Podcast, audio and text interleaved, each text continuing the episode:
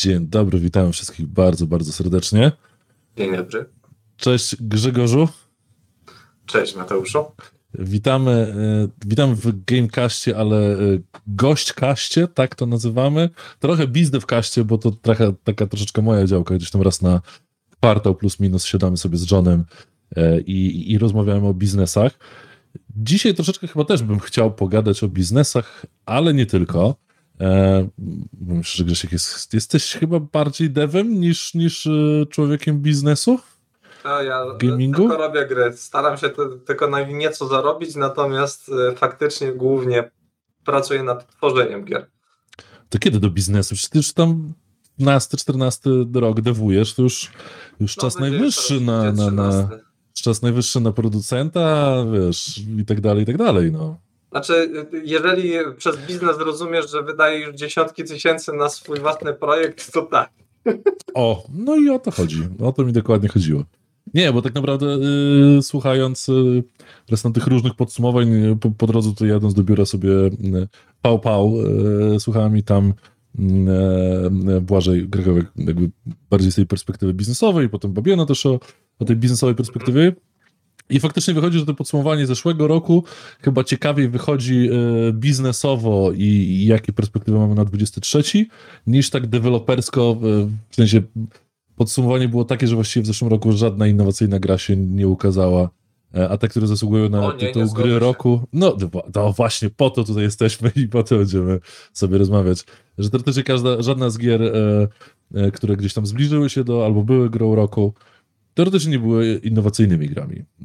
I może troszeczkę tak. też, też, też, Mhm. też o tym sobie pogadamy. Mm, e, e, Więc małe podsumowanko, małe e, predykcje na 23. Ja trochę widziałem gdzieś tam już swoich rzeczy trochę, bo przerzucałeś parę swoich opinii. Ale też chciałbym troszeczkę twojej historii poznać, jako, jako gość kasta u nas, goszczącego. Nie wiem, czy widziałeś mapkę e, na Twitterze, ostatnio latała e, za tam dwa dni temu. E, Według Google'a, co wpisują, jak zostać kimś i Mhm. jaka, jaka praca, jakie stanowisko jest najczęściej wyszukiwane w Polsce w latach 2021-2022, myślisz? 21-22 pewnie Mhm. deweloper. Dokładnie. I czy są, czy, czy Tylko, myślisz, że budowlany czy softowy, bo cały czas nie wiem, bo tam po prostu był napisany deweloper. wiesz co, na Twitterze są ludzie raczej piszący o IT i game devie, więc mniemam, że, że to, chyba, że któryś tam deweloper e, budowlany na, na Twitterze ma jakiś mocny kanał i, i podejmie to, ale, ale chyba, chyba, chyba to, bo jakby są tylko dwa kraje e, mm, w Europie, które też e, mają. e, A to ta mapka, tam gdzie mamy Tak. większość tak naprawdę ludzie chcą być writerami, ewentualnie youtuberami, tak? Cała wschodnia Europa plus Skandynawia chce być pisarzami. To jest e, zadziwiające, delikatnie mówiąc. Nie, nie wiem, czy, e, czy, czy, czy. Bo jakby zachodnia Europa we Francji jest, już ci mówię, e, bodajże e, prawnik, w Niemczech jest profesor, e, w Hiszpanii jest influencer, więc jakby Mhm. taki trochę luźny styl życia do tego pasuje. W Anglii e, pilot, tak? E, I, i, i No to No renoma, to rozumiem, ale writer, to znaczy, wiecie, na upartego, jeżeli tak przyrównać e, pracę takiego typowego programisty, to ma trochę cech w ogóle pisarza. Ja cały czas mówię, że tutaj jest ta relacja, dlatego, bo tak, dążymy do jakiegoś celu, każdy ma swój styl tworzenia treści i w zasadzie my opowiadamy komputerowi czy konsoli, w jaki sposób e, opowiadamy e, historię, w jaki sposób ma funkcjonować, więc teoretycznie jesteśmy pisarzami, tylko że dla dziwnej grupy docelowej. dokładnie. Czy ty też jesteś pisarzem? Staram się. Jak, jak to, czy ty też zawsze chciałeś być pisarzem? Nie. Kodów Zawsze albo historii. Dobrze, jak to się stało i dlaczego i, e, i jak z tamtego momentu, albo kiedy pierwszy raz pomyślałeś o tym, e, żeby robić gry Mm, i jak od tamtego momentu, ja pamiętam absolutnie dokładnie ten moment w swoim Tak, życiu, tak, więc tak jakby samo. e, więc to, jakby od tamtej historii zrób szybkie przejście, wiesz, do, do, do dzisiaj. Ile mamy czasu? Ustawię stoper. No, no ile potrzebujesz? 7 minut? Spróbuję. Dobra, No. to tak, zaczęło się z racji tego, że ja mam taki charakter, że bardzo lubię dociekać rzeczy i sprawdzać, jak działają pod spodem, rozkręcałem zabawki i tak dalej, więc jak zobaczyłem w wieku 5 lat, e, dostałem prezent, konsolę Pegasus, czyli tę chińską podróbkę NES-a i tam Super Mario Bros. Któreś, którąś tam część, tą taką najbardziej popularną i chciałem się dowiedzieć, jak ten ludzik tam sobie gania e, i dlaczego i tak dalej, i tak dalej, ale z racji tego, że powiedzmy raz, że się wychowałem w bardzo małej wsi, gdzie generalnie jakiś koleś trzy lata starszy ode mnie, pierwszy w ogóle tam z tego regionu poszedł w ogóle na uniwersytet swoją drogą na AGG, jest teraz bardzo dobrym programistą, ile dobrze kojarzę w IBM-ie, to tak pod, pod, powiedzmy podpowiedział mi parę rzeczy, no i wtedy już wiedziałem, że, y, znaczy byłem przynajmniej przekonany, że żeby robić gry trzeba być programistą, nie trzeba być, jak się to potem okazało, ale w sumie to było najbardziej mi, mi odpowiadało. I dorwałem kiedyś na strychu u chyba wujka stare bajtki. Potem gdzieś Okay. wygrzebałem sta, starą, starego tam Commodora czy Amigę. E, któreś było pierwsze, któreś drugie, ale w każdym razie kod w jednym i drugim był Basicu i zacząłem listingi przepisywać, a potem zacząłem widzieć te różnice, że istotą nie jest co, to, co konkretnie naklepiesz, bo to jest tylko narzędzie, a istotą jest ten pomysł i to jakby sposób prowadzenia rozwiązania. Dlatego powoli się uczyłem. Basic, Pascal, C++ i tak dalej. Wszystko praktycznie, co robiłem pod tym kątem, no to szło pod gry. Stare pomysły, które kiedyś przepisy, przepisywałem z listingów, przepisywałem na inne języki programowania. No i tak się bawiłem w sumie od ósmego roku życia mniej więcej, tylko że nikt nie miał mnie jak za bardzo pokierować ale jak trafiłem na studia, no to wiedziałem już czego będę szukał, więc na e, praktyki oczywiście, które trzeba zrobić na, na uniwerku między drugim a trzecim rokiem, zamiast pójść gdzieś do, nie wiem, właśnie IBM-u, Nokii czy, czy innego Samsunga, no to zgłosiłem się do Bluebera i tam spędziłem ponad więcej niż jeden rok. Um, i przez dwa miesiące pod okiem Marzeny Gasidło, która jeszcze tam dalej pracuje, albo programistką silnika, która chyba zrobiła silnik internalowy na 7 platform, więc no to jest y, złota kobieta, autentycznie najlepsza, naj, najlepsza programistka, jaką w życiu spotkałem. Nauczyła mnie w dwa miesiące tego więcej niż e, jakby praktycznie przez dwa lata na uniwersytecie. E, co prawda uniwerek dał mi dużo narzędzi matematycznych, algorytmicznych i tutaj tego absolutnie nie neguję, bo to do dzisiaj mi się przydaje, ale taką praktykę to miałem faktycznie solidną u niej no i potem jeszcze się uczyłem od Konrada Rakiecia, Kuby Oponia, który jest teraz e, już, e, o ile dobrze kojarzę, game directorem w Hogach, od Huberta Mroza, który ma swoją firmę też w Krakowie. Jeszcze od paru innych e, świetnych osób właśnie nabierałem tego tam doświadczenia, potem mnie przekierowali do innej gałęzi Bluebera, który się nazywał iPhone for All, tam byłem pierwszym pracownikiem, tam też miałem pierwsze testy z leadershipu, które były dla mnie zbyt znaczy to było dla mnie za wcześnie, ale tam na przykład dużo się uczyłem portowania, grzebania w silniku, też właśnie znajdowania różnych opcji optymalizacyjnych i jak miałem wcześniej marzenie, że będę robił shadery i w ogóle się bawił w takie fajne takie rzeczy, to się później okazało, że bardziej mam dryg do debugu, do optymalizacji i to już mi zostało do dzisiaj, e, do portowania właśnie i E, później miałem chwilę przerwy, żeby dokończyć e, pierwszy stopień studiów, e, a potem wróciłem sobie na chwilę do Bluebera i przeszedłem później do, um, do Nano Games. Z Nano Games tam posiedziałem 15 miesięcy, stamtąd chyba najlepsze, co wyniosłem, to dwie przyjaźnie, które mi zostały do dzisiaj. Także pozdrawiam pozdrawiam Ragisa i Krystiana, bo do dzisiaj utrzymują cały czas kontakt, e, się spotykamy kiedy tylko możemy. E, jeden jest grafikiem w e, Hogach, a drugi jest designerem w One More Level, z którymi zresztą później też współpracowałem przy, przy jednej z gier Ghost Trigger. Po drodze jeszcze zaliczyłem Autodesk, gdyż spodobała im się moja praca magisterska o przetwarzaniu ciał miękkich na GPU E, tam chodziło o włosy konkretnie i pomagałem im w projekcie, który symulował wiatr na boiskach sportowych dla stacji sportowej Fox w Stanach i potem jak mnie przekierowali do jakichś dennych, wewnętrznych, automatycznych testów, to stwierdziłem się Manara, e, bo to nie jest absolutnie mój, mój że tak Bardzo powiem, dobrze. E, tam wytrzymałem tylko parę miesięcy, ale to też było ciekawe doświadczenie.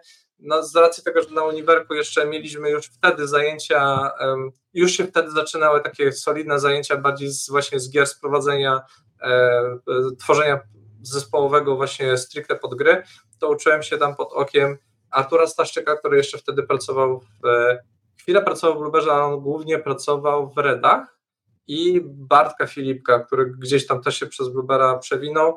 Um, ostatecznie już oboje nie pracują w game devie, ale wtedy jeszcze właśnie pracowali i e, trochę mnie szkolili, a potem tak się złożyło, że e, po Autodesk przyszedłem do Ganymede, które później się przerodziło w Game Desire i tam właśnie szefem technicznym był Artur Staszyk, e, więc od niego z kolei nabrałem dużo wiedzy na temat tego, że Agile da się wprowadzić w game devie i że to działa, tylko trzeba odpowiednio ustawić procesy i tak dalej. Masę takich dobrych praktyk, wydaje mi się, od niego przyjąłem, dużo się od niego nauczyłem. A potem po Ganymedę przeszedłem na chwilę do nie game devu na takiej zasadzie, że e, pod okiem drugiego z kolei mojego mentora, czyli Bartka Filipka, e, pracowałem do takiej brytyjskiej spółki, ale z racji tego, że tam nie było dużo roboty, że tak powiem, w sensie e, taski były rozpisywane tygodniowo, wyrabiają się 2-3 dni, no to pozostały czas oczywiście spędzałem na robieniu pobocznych projektów w grach. No i wtedy właśnie pracowałem z One More Levels, E, chwilkę z Juggler Games, jakieś takie pojedyncze rzeczy po prostu, gdzie ktoś mhm. potrzebował pomocy, optymalizacji, analizy wykładów jakichś, no to wtedy tym się jakoś tak zajmowałem przez ten cały czas. Potem jak już mi się znudziło z Ksarą, e, akurat to się związało też z tym okresem, że były e, proponowane redukcje zatrudnienia, bo to COVID wchodził, mhm. no to wtedy stwierdziłem, też trzeba przejść na pełen etat do game devu i tak wylądowałem w, na chwilkę tylko w Noki, żeby zobaczyć, żeby się upewnić, czy na pewno nie, nie nadaje się do korporacji. Po trzech miesiącach stwierdziłem, nikt nie. Więc, tak. e, więc ten program oglądają dzieci, żeby nie było. Tak, nie? tak więc e, wtedy właśnie e, przyjęli mnie w e, Full Theory E, tam popracowałem pół roku najpierw jako tak rzucony na external do projektu GORD e, od Covenanta, czyli od Stana Justa, a potem już w sumie idzie prawie drugi rok, jak jestem tam lead programerem i ogarniamy projekt Vitriol, którego review będzie już niedługo, jak jeżeli chodzi o pełną nazwę, jak, jak to wygląda tak bardziej już in-game, E, i to jest wydawane przez 11-bit Studios, a jednocześnie już pracujemy też e, powoli nad The Witcher Remake, czyli no, remake'iem pierwszej części Wiedźmina. I tak się potoczyło ostatnie 12 lat. 12 lat, w, żeby nie skłamać. No, 8 minut, także jest. Okay. Widzisz? Udało się. Bardzo dobrze. Bardzo fajnie. Y, mega ciekawa historia, y, trochę też taka odbijana z trochę game dev, a trochę nie game dev, a trochę coś innego, ale fajnie, że się upewniłeś w tej historii. E, no. Znaczy ja po prostu stwierdziłem, że na tyle hmm, na tyle game dev potrafi mi zapewnić raz, że wyzwań zawodowych, a dwa y, kasy, że, że... No i tak jakby mniej płaci, tak? Bo chyba nadal, nadal jest różnica, tak? Między, między 30% tak mniej więcej, 25-30%. No oczywiście jak się dobrze potargujesz i masz odpowiednie argumenty i kompetencje do tego, to możesz wytargować sobie więcej oczywiście, no mhm. ale zawsze to jest ta, ta jeżeli zobaczymy na nie poziom doświadczenia, czy tam lata spędzone, no to wiadomo, że to jest mniej płatne, e, no ale cóż, no tutaj nie siedzi się stricte dla kasy, tylko dla pasji, mhm. a że ja stwierdziłem, że E, nie mam zamiaru e, zamieniać cyferek na cyferki, tylko spełniać swoje dziecięce marzenie, no to tak sobie siedzę. Bardzo dobrze, bardzo fajnie. Trochę z jednej strony historia pewnie jak większość chyba tego pokolenia gdzieś tam zbliżających, czy w okolicach 40 ludzi, powiedzmy, gdzieś tam te 30-40, tak? Jezu, aż tak źle wyglądają 33 lata. Nie, nie ma ile, to, nie, no, nie, no, to, no to właśnie, no to już do 40 się zbliżasz. Ja, wiesz, to, ale tak jest, niestety. Nie, no bo jakby jest to pokolenie tych game devów najstarszych, yy, yy, którzy prezesują, tak, sobie od jakiegoś tam czasu, którzy zaczynali w latach 90. game devować i są, są, są, są dyrektorami i są na tej, na tej najwyższej półce, tak? E, I zarobkowej, i jakby wpływu na branżę. E, ale faktycznie ty jesteś reprezentantem tego pokolenia. Środkowego. To jest, jak to było w samych swoich bodajże, tak, że wyższa średnia klasa, tak, to, to, to tak, upper, upper, upper intermediate jesteś, coś w tym tak, stylu. Tak, tak, dokładnie. E, w sumie to e, ja zazwyczaj roz, rozdzielam to na takie trzy okresy, mniej więcej po 15 lat każdy, bo tak naprawdę powiedzmy możemy za, z, przyjąć, że pro, taki komercyjny game dev zaczął się z 83 chyba od e, Robo Body albo od mm. Hansa Klossa, coś takiego. E, więc e, tam Maciek Miosik, Darek Żona i pierwsze 15 lat, no to to są właśnie już ci te tuzy branży, że tak powiem, najbardziej rozpoznawalne. Tak, do których czas i... absolutnie już nadchodzi. Time is, time is, time is coming. No. I, e, e, ja tak mówię w perspektywie trochę bardziej socjologicznej, tak, że, że faktycznie jesteśmy tuż przed procesem, kiedy te młode, młode pokolenie tych prawdziwych milenialsów e, z lat 80. i 90 zacznie za chwilę przejmować tak naprawdę stery w tej branży. Mnie jakby to ciekawi też z, z perspektywy takiej, mówię, trochę socjologicznej, na ile się zmieni troszeczkę e, to, jak biznes, e, biznes będzie wyglądał, kreatywnie jak ten biznes będzie wyglądał, e, ale to, to, to myślę, że jeszcze, jeszcze chwilkę mhm. ten proces będzie się dopiero zaczynał teraz. Tak, no i właśnie ja jestem faktycznie z tego średniego pokolenia, bo to tak liczę do 2000 powiedzmy 15, a teraz już się rozwija ładnie to najmłodsze, że jak ludzie aplikują, to już mają e, w wieku wpisaną tą dwójkę na początku, a nie 1,9. Y, no, to takie trochę trzecie pokolenie tak naprawdę tak, tak. E, game devowe. E, dobrze, a powiedz mi, to zanim jakby przejdziemy jeszcze do, do, do, do, do podsumowań i bardziej takich branżowych rzeczy, najlepsze, największe, najważniejsze, nie wiem, jedna, dwie, trzy rzeczy, które możesz powiedzieć dla wszystkich aspirujących tego trzeciego pokolenia, e, najmłodszych, którzy e, bardziej myślą, bo chyba marzenie o pracy w game devie stało się już e, codziennością troszeczkę, bo jeśli Oby. mówią o tym i politycy, i, i gdzieś tam też, też ludzie tak, tak po prostu widoczni w telewizorze, już nie mówiąc celebryci, ale po prostu gadający głowy z telewizora o tym mówią, że, że to jest, czego potwierdzają absolutnie jest ta mapka, o której wspominaliśmy z Twittera, no to właśnie, jeśli to, to marzenie jest powszechne, albo wręcz nawet bardzo powszechne, e, bo myślę, że w tej całej e, działce, że chcę być deweloperem, to już chcę robić gry, jest też, chcę być influencerem, chcę być sportowcem i tak dalej, chcę być przedstawicielem tej nowej branży, e, nowego digitalowego świata,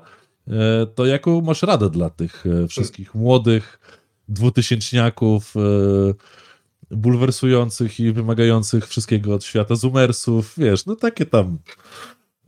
To tak, na pewno róbcie, róbcie, rzeczy, e, w sensie róbcie rzeczy do szuflady, bo jeżeli nie macie za sobą e, doświadczenia w innych firmach, to musicie pokazać, że umiecie coś robić. Nie jest istotny papier, tylko jest istotne to, co potraficie robić. To jest jedno. Drugie, warto rozpoznać, co lubicie robić, a do czego macie zdolności, że wam przychodzi łatwo w ramach jakiegoś zakresu merytorycznego kompetencji, dlatego, bo na przykład niektórzy bardzo lubią sobie rysować postacie, ale mają większy talent do animowania. Niektórzy, to, to tak jak ja na przykład, ja lubię sobie montować shadery, bo to jest fajne, e, i sobie coś tam popisać, ale mam większe affinity do tego, żeby właśnie debugować, optymalizować i na tym to jest, powinien być wasz główny cel zawodowy, i trzecie, schowajcie dumę do kieszeni. Gry to jest praca zespołowa, a takich pojedynczych y, sukcesów to jest na palcach jednej ręki co roku. I żeby jeszcze to sprzedać, to już w ogóle jest y, siódmy cud świata, ósmy, dziewiąty. Więc y, schowajcie dumę do kieszeni, nauczcie się dogadywać z ludźmi i pracować zespołowo. Bo z tym wydaje mi się jest często duży problem i młodsze pokolenie. No właśnie, czy to młode pokolenie ma z tym problem, z tym dogadywaniem się? Powinno być teoretycznie, że jakby ten komunikacyjne zdolności pokolenia dzieciaków, które wychowało się internetowo i, i w takim bardzo, bardzo masowym świecie, tak, no bo jak byłeś mhm. no ty jesteś troszeczkę młodszy, ale w moim pokoleniu jak się miało lat, nie wiem, 10 czy 11 się znało, miało się, wiesz, kolegów z klasy i, i, i dodatkowego kolegę albo dwóch, nie wiem, z grania na podwórku, to, to już było to, nie? A miałem, że teraz mhm. dwunastolatek, jedenastolatek, troszeczkę więcej ludzi chyba zna, troszeczkę dzięki internetowi. Ale social media nie sprawia, że jesteś bardziej social Ja wiem, ja wiem, ale jednocześnie my nie mam, że tak, tak słyszałem, nie, nie mam jeszcze e, aż tak e, starych dzieci, ale tak jak słyszę gdzieś po znajomych, to, to jest troszeczkę w tym różnica. Ten digitalowy świat jakby sociale socialami, bo to social media, ale jednak człowiek jest przyzwyczajony do kontaktu z trochę większą liczbą ludzi, życia w bardziej masowym świecie. Być może tak, tylko że co innego, kiedy się komunikujemy online, e, piszemy do siebie SMS-y, nagrywamy sobie wiadomości i tak dalej, i tak dalej, a co innego, kiedy wchodzimy w tą interakcję jeden do jeden, bo tej jest trochę mniej, zwłaszcza teraz jeszcze pewne pokolenie zostaje pokrzywdzone przez tą izolację, powiedzmy tą ponad prawie dwuletnią.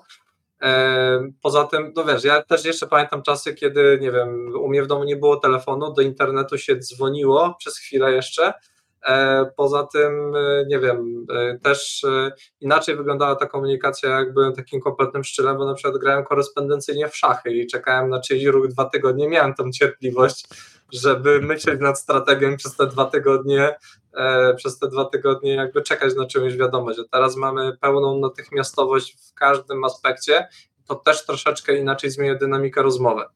Mhm.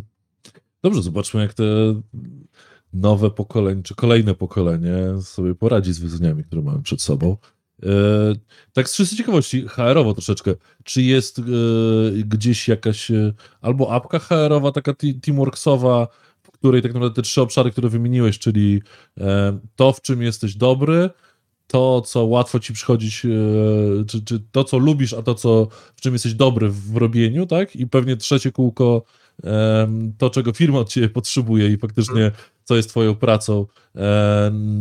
Czy, czy jest łatwo to e, naznaczyć te trzy kółka i w którym jesteś miejscu e, swojej jakby kariery, czy, czy łatwo się to trakuje, czy e, i czy mówię, czy jest jakaś, no, czy masz już jakiś tam proces sobie ustalony, że kogoś nowego przyjmujesz i, i wciągasz do zespołu i od razu jesteś w stanie zobrazować sobie, czy, czy jesteś w tej osobie w stanie E, te trzy obszary zobrazować i pokazać, słuchaj stary, jesteś w punkcie jakby środkowym, jesteś w idealnym miejscu, albo jesteś hmm. tylko w, w jednym kółku, e, w tym, co lubisz robić i musisz popracować nad innymi obszarami.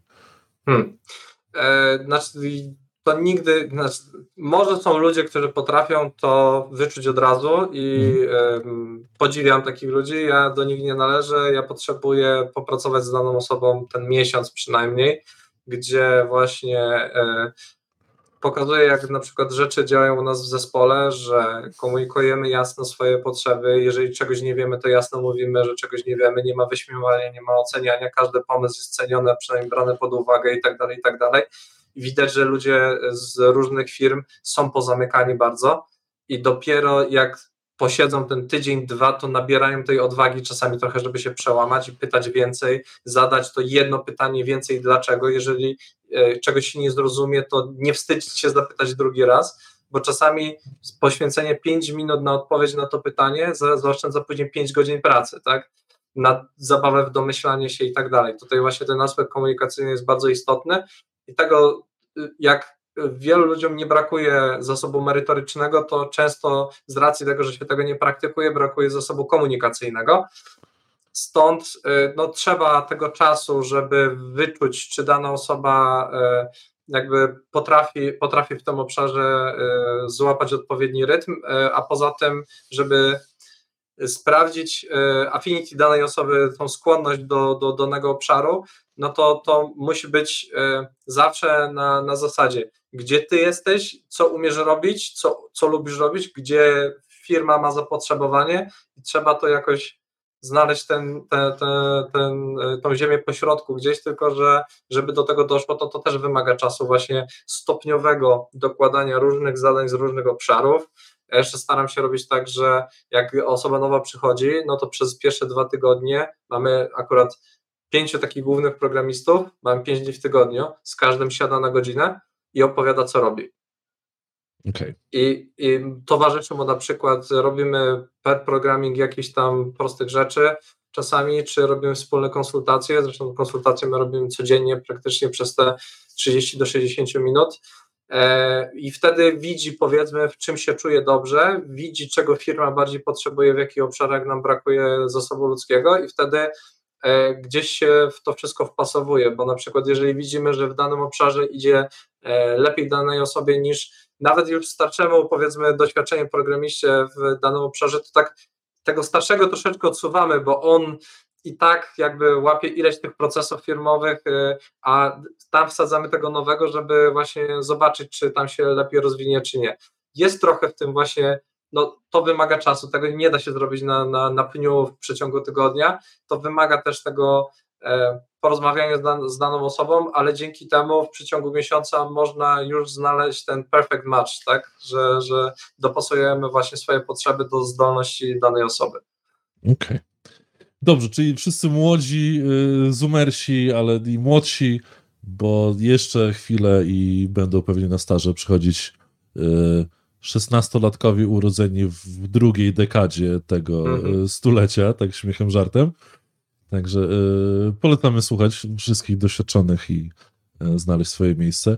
Y, dobrze, bardzo ładne podsumowanie, bardzo fajna historia, dziękuję Ci za to. I może przejdźmy sobie do jakiegoś teraz biznesowego, growego, mhm. devowego podsumowania 22 roku. Jesteśmy w tej branży, w której zawsze coś, dużo się dzieje, e, a, a na sam koniec dnia, e, jak wszyscy podsumowują sobie rok, to mówią, no gry są, albo nie było rewelacji, albo zawsze kiedyś było lepiej i tak dalej, zawsze trochę ponarzekamy sobie, bo tak, tak trzeba wręcz. Ja staram się być optymistą, e, ale gdzieś tam z jakimś nachyleniem na, na realistę, więc powiedz, jak ty widziałeś ten ostatni rok, jakie masz podsumowanko, e, co było dla ciebie grą roku, co dla ciebie znaczy gra roku, bo to też jest troszeczkę no, złudne pojęcie.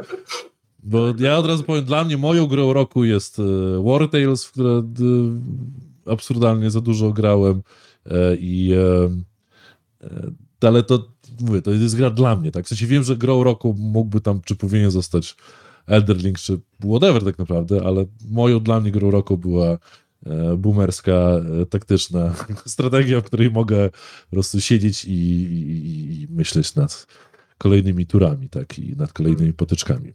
Jak to wygląda u ciebie? To tak, ja w ogóle od tego zacznę i to też będzie pewnie też e, jakby temat do podjęcia później, że od paru lat nigdy się tak łatwo nie robiło gier, mhm. tylko, że nigdy też nie było tak trudno ich sprzedać, dlatego, bo mamy darmowe silniki, które pozwalają robić niesamowite rzeczy. Praktycznie jedynym Twoim kosztem jest czas, jeżeli masz odpowiednie zdolności merytoryczne. Zwłaszcza, że jeszcze można dostać za darmo masę asetów w przeciągu roku, tylko trzeba dobrze poszukać. Więc tak naprawdę wystarczy tylko mieć dobry pomysł, zwłaszcza, że teraz nawet nie trzeba umieć programować, bo mamy visual scripting e, mamy blueprinty, mamy Bolta w e, Unity i tak dalej, i tak dalej. Więc nigdy się gier nie robiło tak łatwo, ale jednocześnie z racji tego, że jest ich taka liczba, e, wręcz codziennie ile gier wychodzi, to tym trudniej jest sprzedać. Bo mimo, że jakby wydatki na gry rok rocznie rosną, to jednak szybciej rośnie ilościowo gier niż rośnie pieniędzy na nie wydawane. Także, no ale jeżeli chodzi o same gry, no to wydaje mi się, że ten 2022 rok był całkiem gęsty, zwłaszcza luty był straszny, bo jednocześnie dostaliśmy e, Horizon Forbidden West i Elden Ring, z czego Horizon jak dla mnie to jest taki benchmark graficzny swego rodzaju, gdzie właśnie Guerrilla Games pokazało jak gry powinny wyglądać, takie duże AAA-owe gry powinny wyglądać, bo to wygląda absolutnie rewelacyjnie. Szkoda, że jest za gęsto UI, historia jest miałka po prostu jak mąka kukurydziana, więc tutaj jest y, naprawdę pod tym kątem słabo, więc to nie jest absolutnie moja gra roku, natomiast natomiast y, to ta gra w akcji, zwłaszcza na PS5 i dobrym telewizorze, no wygląda prześwietnie, także y, to jest... Poczekaj, mogę się przerwać? Jak już jesteśmy przy lutym, to trochę, może, może to jest kij w mrowisko, e, ale z drugiej strony to trochę taki biznesowy game, gamecast. E, dlaczego twoim zdaniem przy wszystkich, bo prawie się nie spotkałem z tym, albo, albo bardzo rzadko, jak się wspomina i mówi o podsumowaniu roku, czy o grze roku, dlaczego nigdy nie mówimy o Dying Light dwójce? Dlatego, bo ta gra, tutaj może się parę znajomych z Techlandu na mnie wkurzyć. Ale... Ja wiem, właśnie to jest najgorsze, że mamy Także... bardzo dużo kontentowych, fajnych gamecastów, czy podcastów growych i nikt nie mówi o Dying Light'cie. Wszyscy, wszyscy, no i Dying Light był, no nie, fajnie, fajnie, nie? Ale nikt, wszyscy się boją, bo ja rozumiem, że jesteśmy wielką rodziną i jakby szanuję też pracę, cenię i, i absolutnie, naprawdę doceniam to, jakim, jakim wyzwaniem była gra i jakim też sukcesem, bo zresztą Techland wczoraj świętował 30 milionów gier z e, całego cyklu, Mm, Tak. ale jednocześnie właśnie chciałem z kimś e, em, de, devem, nie, nie graczem zewnętrznym, bo my sobie jako tu w Gamecastie trochę em, z perspektywy gracza oceniamy pewne rzeczy i często to też widać jak e, w innych podcastach, nie wiem, u Tadzia się pojawiają deweloperzy, oni zupełnie inaczej myślą o grach niż jak ja widzę my u siebie w firmie, e, w Galactusie rozmawiamy gracz per gracz.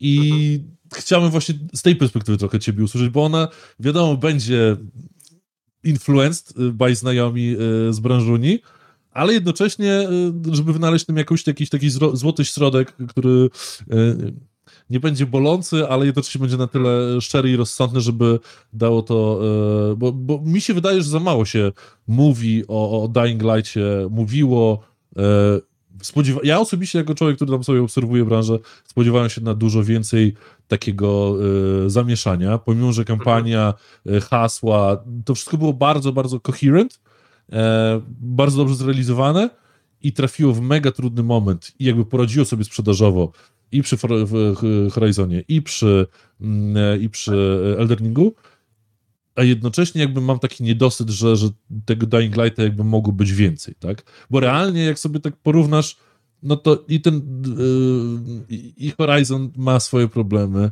tak? I, I na Ragnarok trochę ludzie gdzieś tam narzekali i że Elden Ring to też jakby nie, nie, nie wymyśla koło na nowo i Dying Light robi teoretycznie to samo, ale jednocześnie jakby, no i właśnie, dlatego teraz ty wchodzisz na biało i mówisz, że Dobrze, to tak, bo y, to właśnie weźmy sobie case study y, Horizona, Elden Ringa i God of War'a. Każda z tych gier y, nie jest idealna, ale każda z tych gier ma jeden element absolutnie wybitny.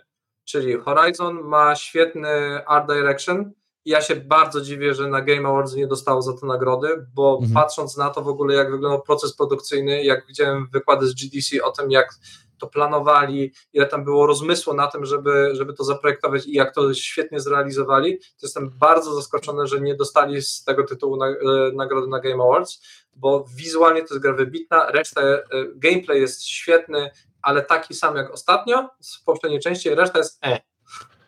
Znaczy, ja myślę, że fabułę ciężko by było y, dograć taką, która by była mega y, mm, fascynująca, tak szczerze powiedziawszy, Mhm. bo wydaje mi się, że cały koncept gry to jest jakby mm, dwóch nerdowskich kolesi usiadło, ej, zróbmy grę, dobra, no to science fiction, ej, a co może science fiction?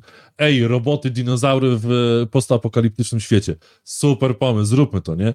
Sounds great, it does work, ale, ale raz. Ale w ogóle to, nie? To, to, to działa raz. jest Nie? świetny, premis świata jest świetny, te założenia, z czego to powstało, tylko fabuła, która została tam poprowadzona, jest naprawdę poniżej jakich, poniżej nawet średniej, jak, jaką można by przyjąć w dużym tytule. Z kolei Elden Ring. Świetna, narra- świetna tajemnicza narracja, świetny lore w ogóle, którego trzeba się domyślać z, i łączyć fakty z, z opisów obiektów wręcz. I tutaj pod tym kątem e, ten klimat, e, właśnie ta, ta budowa świata, proje, projekty, w sensie sam design e, i elementów świata, i przeciwników i tak dalej jest, jest naprawdę na najwyższym poziomie, ale wykonanie techniczne to jest tragedia, sterowanie to jest tragedia, mace, tam tryb sieciowy to jest też woła pomsta do nieba. I co z tego, tak? Bo ludzie po prostu chcieli nowego, innego doświadczenia, a tutaj mamy Souls-like i Zelda Breath of the Wild w jednym, w jednym pakiecie. Czyli e, wyeliminowano coś, co e, w Souls-like'ach ludziom nie pasowało, czyli to, że mają niejako liniowo poprowadzoną częściowo tą rozgrywkę, że nie mają wyjścia, żeby pójść do jakiegoś punktu. Tutaj wyeliminowano to właśnie na zasadzie Zeldy, czyli Co, co się wydaje, pójdziesz. co, co się wydaje ogólnie mega proste, jakby w Tak. świecie AAA-ów czy quadruple-A'ów. E, I Tak. sz- szczerze, szczerze, czy nie mogliśmy zrobić tego 3 lata temu? Bo Souls-like'i mają ile? 10, 11, 12 lat? 13? Tak? 2010, 2009 jest e, ten e, Demon Souls, tak, ten pierwszy, pierwszy. A tak No- naprawdę tego typu no to to, że nam trzy-. To, no, że nam, to, że nam 13 lat zabrało rozkminienie, że ej, otwórzmy świat Dark Soulsowych gier, czy Soulsowych gier, yy, to mm, grat dla nas No, wszystkich, no żeśmy tak. się nie... Ale to jest właśnie, bo to jest to, że w, właśnie w, tak samo w Breath of the Wild, jak i w Elden Ringu jest coś takiego, że idziesz w dane miejsce, dopóki nie przejdziesz przez tą mglistą ścianę, to na zasadzie widzisz gościa, pojawia się jego pasek życia, fuck that shit, po prostu idę w drugą stronę, tak? I mam taki wybór.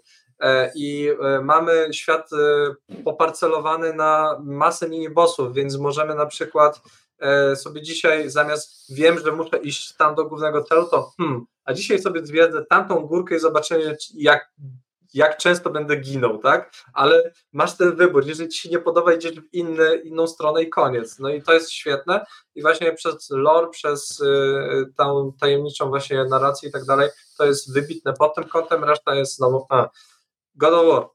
E, absolutnie świetne doświadczenie narracyjne, e, podciągnięty trochę system walki, grafika jest rewelacyjna, ale to jest dalej gra na PS4. To nie, to Nie, nie, to- jest to- gra na PS5. Nie, to, to I- jest gra na PS4, bo PS4 jak odpalasz pierwszy raz, to uruchamia dodatkowe silniki odrzutowe i sugeruje ci, że to, to jest gra na pewno na tą konsolę. No, nie wiem, czy słyszałeś. Odpalałeś na PS4? E, y, nie, ja w sensie nie byłem świadkiem tego, mam już PS5 tylko, ale... Odpalałem, to jest, jest no, te, ja, ja myślałem, że konsola przygotowuje się do startu w kosmos i że po prostu wyleci mi przez okno. Także, także ona ogłasza, że, że tak, to jest zdecydowanie ostatni AAA e, Plus, e, który zagrasz na tej konsoli. Także, także okej. Nice. No, ale no właśnie, tam y, jest dużo rzeczy podciągniętych, jest właśnie to znowu to prowadzenie tym mastershotem wszystkiego robi robotę. Fabuła jest, ba- ba- wszy- wszystkiego jest więcej, ale znów to jest gra na PS4, nie ma e, niczego oryginalnego, tylko po prostu ekspansja tego, co widzieliśmy w poprzedniej części. Dlatego to jest rewelacyjna gra, jasne, ale no, ma te wady po prostu braku oryginalności. I teraz dochodzimy do Dying Lighta. że Jak zanim do Dying Lighta, y, pół kroku wstecz, co Aha. można by było zrobić z God of War'em, y, żeby był, bo przy Elden Ringu powiedziałeś, tak jakby y, mm, y, pewne rzeczy, ale przy takim God of Warze, który, który, który bardzo gra y, synematycznością, filmowością y, i, i, i tym, że to jest experience nie tylko gameplayowy w walczeniu, ale też scenariuszowy, w tym jak y, postaci ze sobą rozmawiają, jest story, semi-film, tak, trochę jak Modern Warfare i tak dalej. Jakby jesteśmy przy tej granicy, nie? Jakby przy Modern Warfare wszyscy się jarali tym, że tam y, Amsterdam wygląda lepiej w Modern Warfare niż wygląda prawdziwy Amsterdam, tak? Więc co można by zrobić z takim God of War'em? Czy nie jesteśmy przy tej granicy, gdzie Quadruple A, który do, do realnie wygląda... Tak, no bo on wygląda jak film, on brzmi jak film, on jest świetnie zagrany, jest scenariusz, no fabuła raz lepiej, raz gorzej wychodzi, bo jakby wymagamy e, aktualnych e, i, i, i wysokonośnych wątków w grze wideo, która na samym końcu sprowadza się do tego, że musisz dużo uderzać w moby. Tak? Tak. Bo każda z tych gier do tego się sprowadza, czy mniejsze, czy większe. Więc jakby do tego do, ciężko dograć fabułę, która e, tak naprawdę ma sens albo jest, jest wysokich lotów.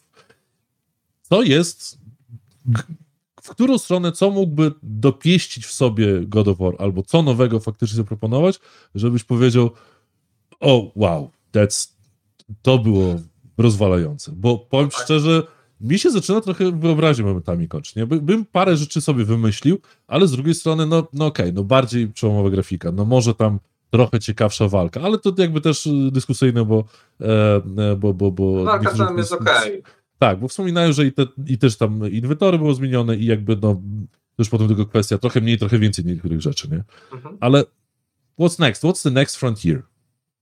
Znaczy na pewno y, mm, zrobienie z tego grafiki AAA-owej by, by pomogło, bo mimo, że to jest naprawdę bardzo wysoka jakaś produkcyjna, to dalej to, to nie jest AAA, e, ten PS5, w sensie właśnie nowogeneracyjny, bo te, tego faktycznie zabrakło, mimo że gra potrafi działać w 120 fps, oczywiście tam z tymi wszystkimi trikami technologicznymi, ale e, właśnie przez to, że też projekto, projektowano tą grę tak jak właśnie na poprzednią generację, czyli masz tą enkapsulację w killroomy, które sprawiają, że wydaje ci się, że grasz w grę poprzedniej generacji, która potrzebowała tych korytarzy do tego, żeby załadować sobie kolejny etap.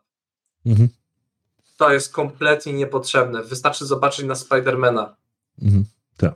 Tam nie masz czegoś takiego. Tam masz fak- to jest faktycznie triplejowa gra e, na, na nową generację, gdzie po prostu ładuje ci się gra momentalnie. E, nie chce ci się nawet korzystać z fast travelu, bo chcesz sobie trawersować przez świat e, właśnie e, na tych pajęczynach. Nie masz żadnej takiej takich zamkniętych korytarzyków, dopóki nie wiem, nie, nie wchodzisz na arenę walki z bossem. Tam jest właśnie, tam masz faktycznie e, wrażenie tego otwartego świata. Tutaj oczywiście tu chodzi też o to, żeby właśnie e, jednak e, częściowo liniowo prowadzić tą rozgrywkę, więc to też jakby było potrzebne miejscami, ale brak tego otwarcia właśnie generuje to wrażenie. Potem z takich rzeczy technologicznych, no to właśnie czasu ładowania, bo tam jednak troszeczkę tego loadingu, chociaż bardzo mało to dalej jest. E, no i e, właśnie brakuje tych e, najnowszych, powiedzmy, fajerwerków graficznych, żeby powiedzieć, tak, to jest, to jest nowa generacja gier. Gameplayowo właśnie ciężko już cokolwiek w tej formule zrobić, bo i tak ta gra już jest przeładowana tym wręcz. Mhm.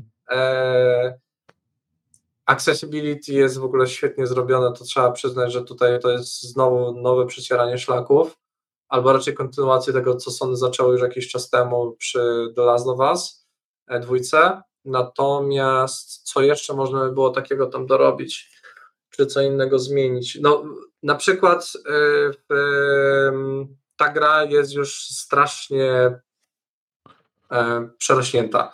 W mhm. sensie E, nie trzyma się takiego skopu, że on, ma się wrażenie, że po prostu ta gra miejscami bywa już za bardzo rozmyta. Ja z racji tego, że mam syndrom lizania ścian w grach, zwłaszcza takich, to yy, i z racji tego, że wszystkie dowory Devil May Cry Bayonety przechodzę na absolutnie najwyższym poziomie trudności, no to ja już czepię 50 godzinę w tą grę. I, bo kilka walk jest absurdalnie trudnych, dobrze, niech będą, ale jeszcze jak dołożymy do tego to, że mamy pięć kwiatków, trzy groby berserkerów, jakieś 48 e, ptoków do uszczelenia, no, no po prostu ile można, trochę właśnie odejdźmy od modelu Ubisoft The Game też, no bo to też jest taki syndrom e, czasów e, z poprzedniej generacji, że żeby przetrzymać gracza dłużej przy produkcie, żeby był czas na dołożenie nowych DLC-ków, e, to za bardzo przerasta się te gry, rozmywa się przez to sens tej gry. Mhm. no wystarczy zobaczyć, jak bardzo spadały kolejne sprzedaże kolejnych dodatków do Assassin's Creed Valhalla, gdzie ten pierwszy, pierwsze uderzenie było takie, ludzie byli zachwyceni, a później jak się okazało, że tak, okupacja Francji, cała Irlandia, jeszcze teraz w ogóle ten niezależny dodatek, gdzie, gdzie tam w zasadzie to wygląda trochę jak Shadow of War. Ile można? ile można, za dużo, za dużo. Po prostu autorzy chcą czasami za dużo dać. To lepiej tak naprawdę z tego godoworu mogli zrobić faktycznie dwie części. Okay. Tak samo jak zresztą The Last of Us dwójki, też mogli zrobić dwie części gry. Okej. Okay. No dobrze, dobrze. Jakieś to odpowiedzi są, nie, nie ukrywam, e, ale, ale e, nadal. Mm, ale Zastanawiam widzisz, się, co to... będzie dalej. Zastanawiam się, co będzie dalej, czy czy gdzieś na horyzoncie jest właśnie gra, która odpowiada na, e, na te zapotrzebowanie, na to, to, to, to taką high-endową potrzebę faktycznie gry, która by w pełni zasługiwała na tytuł gry roku z zeszłego roku. Tak. Jakkolwiek to, to absurdalnie nie brzmi, tak? Bo to. Hmm. To tak, według autorów taką grą ma być Beyond Good and Evil 2, ale wiadomo jak to im idzie, jak Co? Jak, jak, jak, jaka gra? Jeszcze no raz? Właśnie.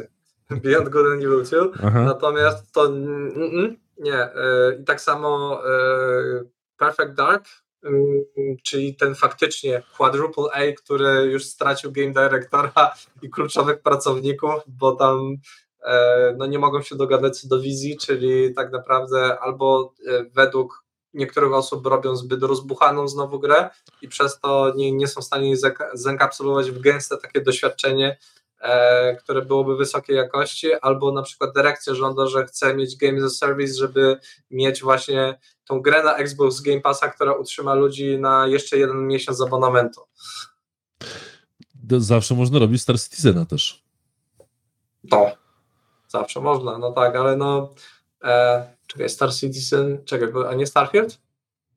To dwa różne tematy, tak. o których absolutnie można porozmawiać i, i faktycznie wyciągnąć różne wnioski, tak, bo, bo trochę co innego Skyrim in Space, a co mhm. innego WoW kosmosie, tak, tak? To, no, tak, sumie czy, tak, czy, tak, tak, tak, tak. Więc... No ale to też, no właśnie, to są owiane legendą wielkie gry, które po prostu nie wychodzą, wychodzą i wyjść nie mogą. No, no Starfield ma wyjść, tak? Ma. ma. Ale to już ludzie, którzy mieli pierwsze handzony mówią, że o, no nie będzie to zbyt rewelacyjne na początku. No, także tak. Okej, okay. no to, to czyli dobrze, czyli realnie nie mamy nawet e, przed sobą w perspektywie najbliższych pewnie 12 miesięcy gry, która powinna w pełni zasłużyć na tytuł gry roku zeszłego. Mamy już. Jaką? Hype Rush. E, okay. Od Tango Gameworks, czyli by, Shinjiego Mikamiego, czyli twórcy Residentów, innymi Devil May Cry i byłego Clover Studio, czyli twórców Beautiful Joy Okami. E, to jest gra, która jest na tam kilkanaście godzin sumarycznie, wygląda świetnie, ma ciekawe e, premis świata, że wszystko się porusza w rytmie, oczywiście to są moje prywatne zboczenia a propos gier muzycznych, ale e, wszystko się tam porusza w rytmie, gra jest bardzo żywa, co prawda ma za bardzo znowu wyskokowy powiedzmy art style, taki typowo japoński, bardzo agresywny i rzuca się w oczka, ale gra jest świetne, jeżeli chodzi o scope. W sensie autorzy wiedzą, że więcej nie zrobią, żeby dać intensywne doświadczenie. To jest zupełnie tak, jak było z Ghost Runnerem od One More Level. E, pierwszą część robiło tam circa 30 osób, wiedzieli, że więcej nie zrobią, zamknęli to intensywne doświadczenie i się rewelacyjnie sprzedało, zwłaszcza jak złapali jakby trakcję na Twitchu e, od speedrunnerów i teraz jest ich niecałe dwa razy więcej, i też mają bardzo dobrze wymierzony ten scope, więc e, tym bardziej mają prospekt e, no, całkiem sensowny biznesowy i to też myślę, że e, jeżeli ekipa tylko nabierała coraz więcej doświadczenia i, i szlifowała swoje umiejętności, to będzie pretendent na grę roku przynajmniej w zakresie AA-ów. No okej, okay. dobrze. Bardzo, bardzo ciekawe. Ale okej, okay, zapamiętamy w takim razie sugestie i czy uda się wybrać kandydata na grę roku 22. E, ale ja przerwałem. E, Dying Light. Miałeś w końcu e, Dying opowiedzieć Light. o Dying, Dying Light. nie ma w sobie żadnej wybitnej cechy. Wybaczcie, znam znajomych w Techlandzie i wiem, że w tym momencie tam szykują już widły i pochodnie. Nie, daj spokój. Ale, ale ta gra jest bardzo dobrym produktem. Jest Mhm. Trochę za dużym tak. wydaje mi się produktem, ale jest bardzo dobrym produktem w wielu aspektach. Natomiast nie ma w sobie niczego wybitnego. Ma solidny renderer i dobrą grafikę, ale tylko dobrą. Ma solidny gameplay ulepszony względem poprzedniej części, ale wciąż tylko dobry, może bardzo dobry, ale nie jest wybitny. Nie ma nic w sobie takiego, co złapie gracza faktycznie, żeby spędził te 500 godzin tam, żeby przejść te wszystkie. Znaczy, są na pewno e, koneserzy, którzy spędzą te 500 godzin, żeby przejść wszystkie scenariusze i spoko. E, I ta gra absolutnie zasługuje na, na uwagę i wydaje mi się, patrząc na tam słupki sprzedażowe i tak dalej, że wyszło naprawdę dobrze, ale mhm. właśnie wyszło naprawdę dobrze do bardzo dobrze i tak samo ta gra jest dobra do bardzo dobra, nie ma nic wybitnego, dlatego e, ludzie przyjęli ją, kupili, pograli, dużo osób nie skończyło i tyle. Jak bardzo jest to sukces w dzisiejszych czasach? To wszystko zależy, ile wydano na tą grę ale e, to jest sukces, bo... No tak złapa... nie, nigdy nie wejdzie na giełdę, więc się nigdy nie dowiemy ostatecznie, no tak. tak? Więc... No ale ludzie tam już dostają e, solidne bonusy za sprzedaż, więc się sprzedała dobrze. Więc to jest sukces. Sukcesem generalnie w dzisiejszych czasach jest na pewno e, dostać więcej kasy na tytuł niż się na niego wydało. To jest, żeby się gra zwróciła tak totalnie ze wszystkimi kosztami. To jest pierwszy level sukcesu. Drugi level sukcesu, jeżeli e, można jeszcze z tego wypłacić bonusy dla, dla pracowników, a trzeci level sukcesu, jeżeli mamy fundusze na nową grę bez brania kredytu. Dobrze. Rozumiem, że y, to chyba bardziej. Właśnie, to chyba bardziej y, sukces teraz niż kiedyś. Tak? Taka dobra gra, taka porządna gra, ósemka, która porządnie zwróci pieniądze. To jest dużo większy sukces y, niż tam te parę lat temu, bo te parę lat temu tam gry na 8 czy 7 e, no to różnie sobie radziły. A w przypadku Dying Lighta to faktycznie chyba przede wszystkim jest sukces e, finansowy gry Tak. E, niż, niż taki deweloperski jakościowy, tak? Wiesz, Cyberpunk 2077 też jest sukcesem finansowym, skoro cała produkcja odbiła się w preorderach, ale nie można powiedzieć, że ta gra jest sukcesem, patrząc jakie miała problemy na premierę, ile zebrała hejtu, ile hejtu zebrali pracownicy niezasłużenie i jak e, tak naprawdę ludzie stracili zaufanie do firmy zarówno na giełdzie, jak i sami gracze, więc tutaj można powiedzieć o sukcesie tylko finansowym na starcie, natomiast potem mm, no nie bardzo. Patrz, jaką piękną, tragiczną, tragiczną historię mamy. To będzie historia powtarzana przez lata tak naprawdę, bo, bo faktycznie w całym, e, w całym okresie covidowym to było jedno z największych wydarzeń growych Tak. na świecie w ogóle, tak? Jeśli nie Mhm. największe faktycznie, e, bo, bo, bo to był szalony czas. I trochę też zmieniający e, poniekąd, oczywiście poniekąd e, biznes, e, bo, bo, bo, bo jak wcześniej mówiło się o tym, że musimy walczyć z, mm, z, z nakładem pracy, tak? I, i wszystkimi negatywnymi rzeczami, które działy się w game devie, czy dalej się dzieją, tak? To od tamtego momentu to, to już nie był problem, który sobie devi obgadują na konferencjach prasowych, tak? Tylko Mhm. to znowuż pojęcie crunchu weszło do, do, do jakiegoś tam mainstreamu.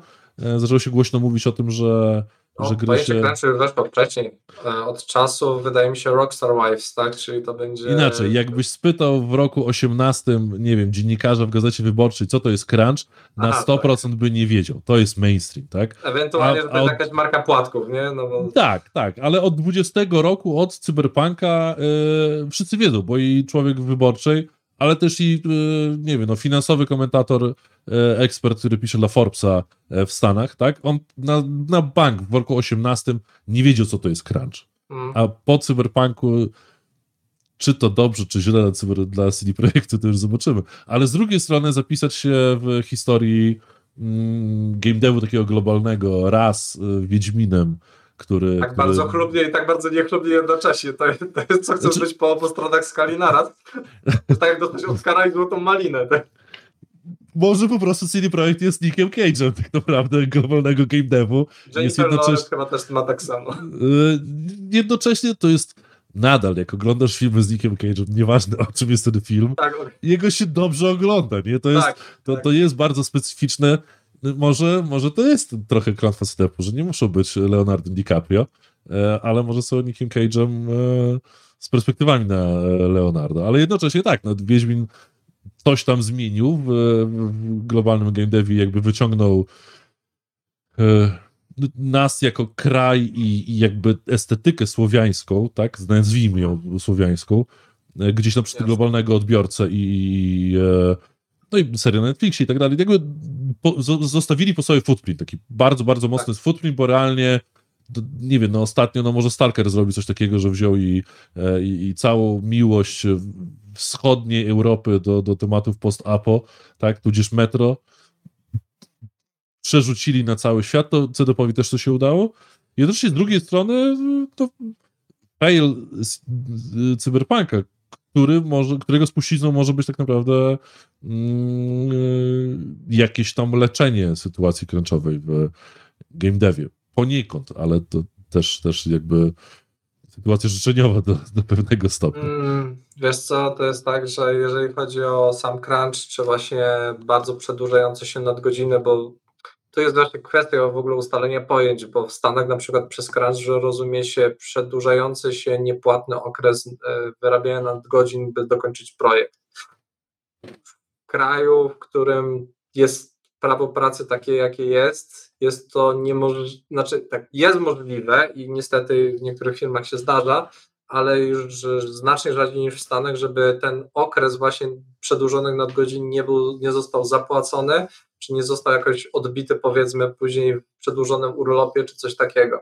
To już się nie praktykuje, chociaż pamiętam takie czasy, że po prostu to było na zasadzie będziecie robić, aż zrobicie, cieszcie się, że jesteście w tej branży. Natomiast y, no teraz już to jest rzadkość, żeby nie, nie dostać jakiegoś y, E, właśnie wynagrodzenia, nawet no. ekwiwalentu tego przedłużonego czasu wciąż, no to się nazywa właśnie crunchem, dlatego, no bo to jest taki marsz śmierci produkcyjny, w którym e, co prawda doprowadza się projekt do końca, ale doprowadza się go właśnie przez znaczne przemęczenie bardzo w niskiej jakości, z bardzo dużą ilością stresu, którego potem próba odbicia, wyleczenia i tak dalej, i tak dalej, kosztuje znacznie więcej niż jakby po prostu przedłużyć ten czas na produkcję. Tylko to wszystko się rozbija o to, jak się przeprowadza te wszystkie procesy, jak się dba o zdrowie pracowników, jak się w ogóle myśli o tym, jak się pracuje w ustrukturyzowanej firmie, dlatego, no bo zespół pięcioosobowy, no to może siedzieć w jednym pokoju i przyklejać sobie karteczki i po prostu mówić zrób to, zrób to, zrób tamto i może się nam uda. Natomiast zespół już 50-osobowy potrzebuje struktury, nawet, nawet mniejszy, 20-osobowy potrzebuje struktury, mhm. E, potrzebuje producenta, potrzebuje liderów, którzy wezmą odpowiedzialność za decyzje, którzy się właściwie komunikują z teamem, a zespół 200-400 osobowy to absolutnie musi mieć tak porozbudowywane te struktury, żeby był szczery i transparentny przepływ informacji, który będzie mitygował jakieś błędy, a z tego co rozumiem i te wszystkie historie, jakie były opisywane chociażby przez Jasona Schreiera, no, rozbijają się o to, że mamy szefostwo, które jest w ogóle odklejone od produkcji, po drodze mamy jesmanów, którzy, którzy kiwają głową na wszystko jak leci i są w komitywie z marketingiem, żeby cyferki się zgadzały, a team produkcyjny pod spodem po prostu już e, dowiaduje się o nowych rzeczach z materiałów marketingowych i czują tylko jak im się tyłek pali. No to tak się nie da zrobić gry, która nie wypali pracowników, a jednocześnie zadowoli graczy. Tak, y, wracając tego do początku, y, w Stanach może troszeczkę inaczej się do tego tematu, do crunchu jako takiego podchodziło, bo też y, no, specyfika pracy jest inna, tak? W Stanach mhm, tak. Nie, ma, nie ma inspekcji pracy, tak? Nie ma, tak. że to co, to, co potwierdził e, to, co potwierdził e, Elon Musk, wypowiadając umowy pracownikom, od jutra nie pracujecie, tak? Wszyscy w Europie trochę na to śmiechnęli, bo no, Pate, tak, tak to nie działa. Nie? I... W Paryżu właśnie w tym paryskim oddziale Twittera, jak zrobili mu strajk i musi teraz wypłacać tam e, kilkumiesięczne właśnie wypowiedzenie i bonifikaty. Fascynujące jest, że w tym świecie e, także game devowym, ale także digitalowym, który no jest amerykańsko-centryczny, e, ale jednocześnie mm, trochę może to dumna teza, ale mi się wydaje, że ta taka e, kreatywność amerykańska, już, już Amerykanie nie mają e, jakiegoś tam, jeśli kiedykolwiek mieli oczywiście jakiegoś, e, jakiegoś priorytetu w tej kwestii, to też Amerykanie jako rynek pracy nie wiem, czy są korem na świecie, tak? W sensie kiedyś może byli, tak? Teraz nawet w perspektywie właśnie praw pracowniczych to, to już nie jest, że Ameryka ma problem z tym, jak się tam pracuje. Tak? To, to już jest, ociera się o degrengoladę, tak? bo tam wypłacanie ekwiwalentów, yy, zakończenie umowy o pracę z dnia na dzień, yy, urlop macierzyńskich nie wspominam, ani, ani opieki medycznej. Tak? W perspektywie porównania z, z standardów pracy, Ameryka nie jest w tyle. Ameryka, Ameryki trochę ciężko, ciężko ją porównać do, do, do pracy w Europie. Tak. E, I e, jak ja, jak ja na to sobie patrzę, to case CDP-u jest e, Tanak by wyglądał troszeczkę inaczej, tak? W sensie nikt by nie, za, nie zarzucał CDP-owi, że, że ludzie crunchowali, tak? Tylko, że no, no gra się... No trudna była produkcja, tak, ale cyferki zgadzają się, nie zgadzają, no to jest trudno, ale jak zarząd by przedłużył i, i te cyferki dociągnął, które ostatecznie tam częściowo dociągnął, tak, bo, y, bo te, te jakby oczekiwania, tam 50-60 milionów kopii, y, które niektórzy tam y, analitycy sobie rzucali, no to wiadomo, że to było takie trochę Naciągane. tak, no bo to rzucali gdzieś tam specjaliści od inwestycji, tak, że, że mieli 30, no to teraz muszą zrobić Tak, ale 60. to są tak, specjaliści od inwestycji, którzy Tak. tak. tak samo patrzą na produkt medialny jak gra, a tak samo patrzą na przykład na tony ziemniaków. No to No tak, tak. no. Dobrze, słuchaj, y, czy ty powiedziałeś o swojej grze roku 22, czy, czy, czy nie? Nie.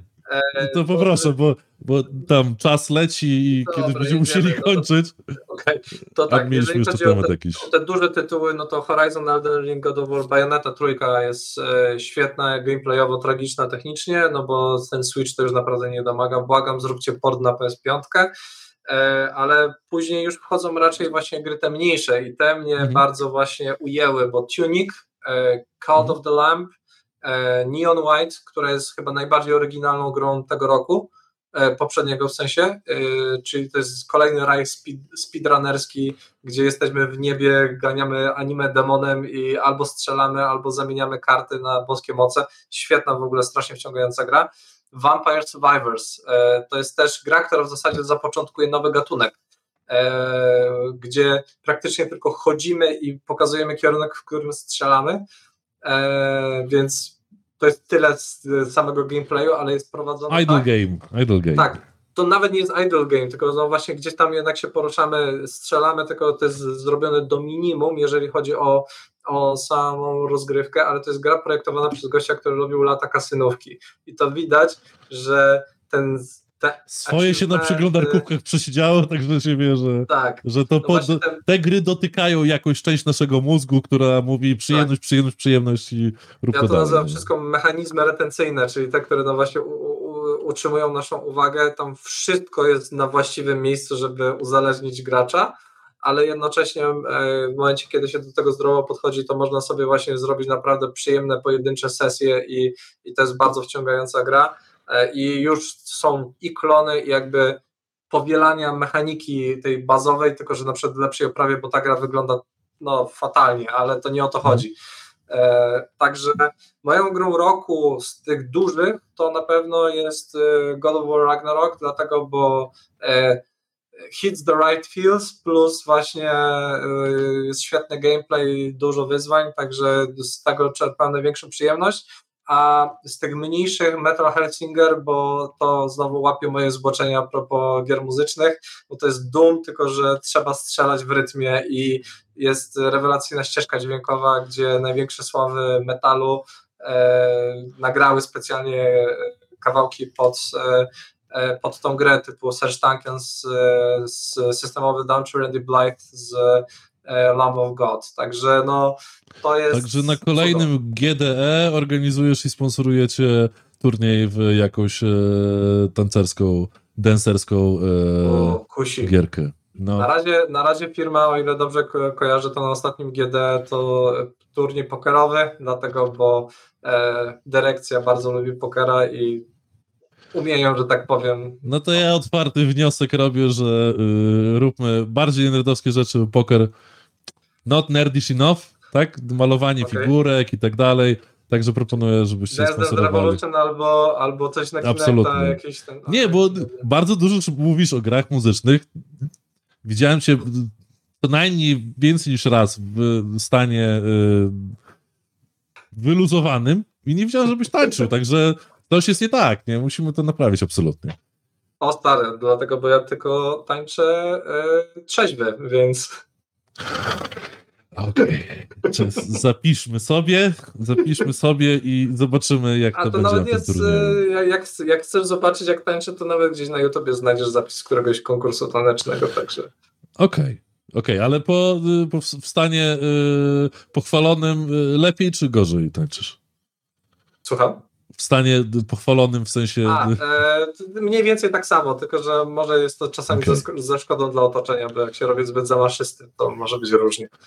Okej, czyli y, najpierw Dance Dance Revolution, a potem Heavy Metal Edition. Dobrze. Tak. Możemy tak zrobić. Pytanie z Twitcha mamy o Blacktail. Właśnie, bo y, gry roku 22 ok, 23 nie wiem, czy zdążymy jeszcze zagadać, ale w sumie już trochę ruszyliśmy, więc nie wiem, czy nie będziemy do tego wracać, e, bo tak naprawdę chciałem trochę pogadać o, o szklanym suficie dla twórców indie, wokół którego się kręcimy troszeczkę, jak zrobić, żeby grę sprzedać, albo co trzeba zrobić, żeby zrobić i dlaczego jest gdzieś tam szklany sufit. E, myślę, że Blacktailem możemy trochę tą dyskusję rozpocząć. Co, co, co myślisz o Blacktailu, e, wynikach e, gameplayowo e, i, i też troszeczkę story studia, tak? No bo to też, e, to też początek ich drogi e, chyba w, takim dużym e, stylu e, game devowym, tak? Mm, Blacktail to jest Parasite. właśnie tutaj z, od Parasite'a i Mhm. w sumie o tej grze nawet dłużej nie śledziłem i to jest problem, bo Okej. o ile dobrze kojarzę, to, to jest gra FPP, w której Mhm. w sumie tam nie wiem, czy są elementy survivalowe, czy nie, ale to tak wygląda troszeczkę. E, Kieruję babą Jagą, no to, to, to, to na pewno na tyle się orientuję. No, gra wygląda całkiem nieźle, e, jak na taki tytuł e, indie, tudzież double-A-owy powiedzmy, który, albo przynajmniej który aspiruje do tego poziomu. No i w zasadzie to nawet nie, nie, nie patrzyłem, ile ona się, jak ona się na przykład sprzedała, także pod tym kątem się Na, niestety nie na Steamie mają 500 recenzji, tam przytłaczające, że tam w większości pozytywne. TeamDB mówi, że gdzieś tam kilkadziesiąt tysięcy się e, sprzedało, tak? Więc tam jakby czasowo też ciężko uchwycić, bo jest wcześniej po premierze, więc czy tych kopii było 30 czy 80 tysięcy, e, ale pewnie patrząc ciężko będzie stwierdzić te- z zewnątrz, No. ale, ale mi się wydaje, że chyba się ufundowało jakoś tam plus minus. E, tak, tak, tak, tak, tak strzelam tak. sobie. E, więc to wynik No bo- też jest dobry, nie? Mhm. Jakby z jednej strony 500 recenzji. z, z jednej strony z tych mocnych double A'ów, bo trochę żeśmy ich polskich mieli w tym roku, tak? Bo mieliśmy Mhm. i Frozenheima, e, i, Tak. i, e, ojej, e, Age of, e, nie, nie, Age of e, tego Buildera e, w zatopionym świecie, kurde, już zapomniałem, widzisz? Floodlands? To Flatland swoją drogą, bo to się akurat trochę gorzej sprzedało, ale, Oj, tak, ale niestety. tak, kurde, drugi, drugi builder. Widzisz, czemu ja zapominam zawsze jej nazwy?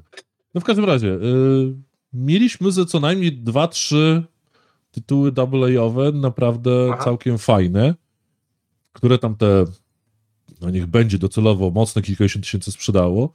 E, nie wiem, czy dałoby się tam tą listę rozszerzyć, że tych tytułów było tam, nie wiem, 10, bo chyba pewnie byśmy nie, nie, nie uzbierali. Czy twoim zdaniem to jest dobry wynik? Właśnie też na, w perspektywie Blacktaila, bo na dzisiaj jakby ten miesiąc z hakiem po premierze, 500 recek na Steamie to jest bardzo okej wynik, bo pewnie jeszcze trochę podrośnie. E, sprzedażowo kilkadziesiąt kafli to też jest e, sztuk e, bardzo okej, tak? W, w perspektywie wszystkich innych gier, które się wydają i nie wydają albo się nie uzbierają. Czy to był dobry rok dla e, e, polskiego double A segmentu? Bo pomijając Dying Lighta chyba tak naprawdę Dying Light jest powiedzmy tą double A plus, tak? Gierką. No to No. żeśmy, żeśmy nic z siebie e, e, Nie wykrzesali. Nie, nie wykrzesali, tak? Żeśmy i e, te- ten śródrok, tak? Pomiędzy, jak to wszyscy mówili na konfach, że że wszyscy swoje wszystkie rzeczy powydawali i, i teraz dopiero rozkręcają się w kolejnym cyklu produkcyjnym do swojej kolejnej dużej premiery, która będzie tam za rok, za dwa, za trzy i tak dalej. Tak, no. Bo Techland jeszcze swojego fantazy nie ogłosił, Cyberpunk dopiero jakoś powiedzmy wychodzi z wylizywania ran, tak? W dużym skrócie. Będzie dodatek, tak. Tak, bo jakbyś nam, jakbyśmy sobie powiedzieli w 20 roku, że Cyberpunk wychodzi w 20 roku, to w 23 będziemy już tam yy, no, yy, pierwsze gameplaye, trailera, yy, trailery, gameplaye Wiedźmina czwórki oglądać, tak, co Hmm. nie wiem, czy się wydarzy. Jak, jak w tej perspektywie widzisz to ten nasz, naszą polską branżunię? E, W 2022 to dużo właśnie takich, e, chociaż nie, no trochę tych gier wyszło, na przykład Evil West e, Mhm. Tak. wyszło i się chyba sprzedało dość solidnie. Dużo osób oceniało też na zachodzie, że to jest na przykład typ gry, która już dawno nie powstała, czyli taka bardzo oldschoolowa w takim ujęciu jakby podejście do gameplayu, czyli liniowa po prostu naparzanka, efek, efektowna, ale i efektywna pod kątem takim, że no, przechodzi się ją właśnie w te kilkanaście godzin, dając intensywne doświadczenie, ona się chyba dobrze sprzedała całkiem. Um, później no to ten Floodlands gorzej. Tam dużo zabrakło rzeczy technicznych y, i ludzie zaczęli narzekać, później były zwroty, jakieś takie inne mhm. rzeczy. Um, natomiast Railbound chyba wyszło, wyszło w 2022, a to jest indyczek z kolei. Tak. Od y, Afterburn, od tego Łukasza Spierewki, no to to chyba też się, to się dobrze sprzedało, bo Golfpik się już swego czasu dobrze sprzedał i to jest też fajny case study. No Giantsi się e, tam chyba średnio udali, tak? Z tego co pamiętam. Tak. No, natomiast bo teraz już te przeliczniki sprzedażowe są chyba takie, że jak kiedyś, kiedyś pamiętam, że było takie ustalone mniej więcej, że y, recenzja daje mniej więcej do 100 sprzedanych kopii, mhm. a teraz ten przelicznik jest tak 20-55, przynajmniej według Simona Carlesa z Game Discoverability, to jest też złoty chłop, bo on tam tydzień, co tydzień albo dwa razy w tygodniu wrzuca jakieś takie naprawdę dogłębne analizy tego, jak sobie radzą gry, co się sprzeda, jakie trendy się łapią i tak dalej, i tak dalej. No i on ostatnio właśnie wrzucił takiego podsumowania, że to jest taki przelicznik już bardziej 20-30 e, sztuk per recenzja. No to jeżeli sobie zobaczymy właśnie um, tego Blacktaila, no to mamy 500 recenzji, no to w tym momencie mamy co 10 tysięcy sztuk, to chyba nie do końca, nie? Sprzedało się więcej. Chyba, to wiesz, można no, tak, spytać oficjalnie. No, mamy przedziały, tak, tak, tak. tak no. Więc no, teoretycznie yy, 10 tysięcy to nie sukces, 50 tysięcy już jakiś tam tak. Yy, no i w tym roku no, ty, powiedzmy tych sukcesów double'owych było parę mhm. yy, jakoś jednak. Czy się zanosi, że w 23 będzie ich więcej? Myślę, że tak. No, e, tak, i w tym momencie wchodzą NDA-ki na przykład, bo wiem, że parę gier będzie, nie mogę powiedzieć. Okej. Okay. Dobrze, ale nie, to jakby możesz tylko powiedzieć, wiesz, ogólnikowo, że się szykuje coś. Znaczy, no na pewno y, dodatek do Cyberpunka to znowu tam odciśnie piętno gdzieś tam. Na jesień będzie, bo już jest zapowiedziany drugi Ghost Runner. Potem mhm. Eleven Bici pokażą, już zapowiedzą za niedługo chyba, któraś z gier tam wyjdzie właśnie z ich portfolio. Także już mamy, już mamy gdzieś tam te akcenty Bo położone. Frostpunka też nie planują na koniec tego roku? Czy mi się źle nie, kojarzy? Nie wiem, nie wiem, bo A, okay, nie, nie doczytałem ich ostatniego też. nie, nie, to nie, tam oni mieli już plan rozpisany na ostatnim na ostatnim e, tym e, zlocie z tym zebraniu akcjonariuszy, ale mhm ale e, teraz będzie za niedługo podsumowanie ostatniego kwartału, bo to już teraz termin powoli będzie chyba do, do połowy Tak, tak, to, dokładnie, złożyć, to, to wtedy się, raczej się dowiemy, bo już muszą wtedy, jeżeli coś będzie w tym roku, to będą musieli to chyba tam jakoś zacząć zapowiadać, więc e, żeby, no właśnie, bo to jest, to jest też plaga, e, plaga firm, które są emitowane na giełdzie, że co kwartał muszą powiedzieć, że robią, zrobili bądź zrobią coś, bo inaczej im słupki przestaną, sprze, e, przestaną skakać, jeżeli chodzi o, o cenę akcji, więc coś na pewno się dowiemy. Okej. Okay. No nie było to za dużo informacji, ale niech będzie. Że... E, dobrze, bo już się trochę rozgadaliśmy, e, ale od, adwocem tego, co żeśmy tu o Blacktailu i o polskich wynikach i o no, tym szklanym suficie dla indyków, mhm. który double A-owym segmencie jest chyba najtrudniejszy, bo tak naprawdę tak. jak robisz małą grę w jedno, dwie, trzy, cztery osoby, no to jakby coś ryzykujesz, ale, ale często to nie jest jakby kilkudziesięciomilionowy czy kilkumilionowy majątek. E, tak, na upartego Triple... to oszczędnościami często ludzie to są w stanie objechać, e, tak. albo małym kredytem bądź pożyczaniem od znajomych. Tak, to, to jest jeszcze po prostu to małe ryzyko, które jeszcze nie obciąża tak bardzo, bo jakoś stopniowo, nawet jakby się nic nie sprzedało, to idzie to odrobić, powiedzmy. Ale już no AA tak. ma większe ryzyko. Tak, i teraz no AAA jak są w miarę w dobrym, komfortowym miejscu, to tak się sprzedadzą albo trochę inaczej, jakby jest więcej opcji i może większe jakieś tam bezpieczeństwo. E, już pomijając, że jeśli są na giełdzie, no to jakby to teoretycznie to nie jest ryzyko prywatne gdzieś tam właścicieli, tak? W tym segmencie double-A-owym, tym średnim albo średnio wyższym jest troszeczkę trudniej. Tak jak sobie gdzieś tam trafiłem na, na Twitterze, e, bodajże e, howtomarketyourgame.com e, e, wyliczył, że testując czy sprawdzając ile gier się opublikowało przez te ostatnie 4-5 lat, no to było 12 tysięcy indyków w zeszłym roku. Wskok, jakby wzrost przez ostatnie dwa lata, co, po, co roku po kilkanaście, 20% plus minus to rosło, ale jednocześnie gier, które miały co najmniej tysiąc recenzji, jest yy, tylko kilkaset do 500. To znaczy, tak, taka była sugestia, e, czy, czy wniosek z tego wszystkiego, że dopóki tak naprawdę yy, i jakby sprzedażowo to, też, też to tak wygląda, że faktycznie dopóki tych, tych tysiąca recenzji nie masz, no to faktycznie się na dłuższą metę nie sprzedasz, bo e, tak, Tak. też działa algorytm e, Steama, tak? E, I co najśmieszniejsze, no właśnie, Blacktail jest jeszcze w tym segmencie, w którym tego tysiąca nie zrobił, to przez półtora miesiąca jest do zrobienia przez grę, która tam coś się Tak. jakoś tam przebiła, nie? No i teraz e, czy jest w ogóle jakikolwiek sposób, żeby przez to się przebić? Bo parę gier jednak e, e, w tym segmencie kilkuset recenzji prędzej czy później wpada.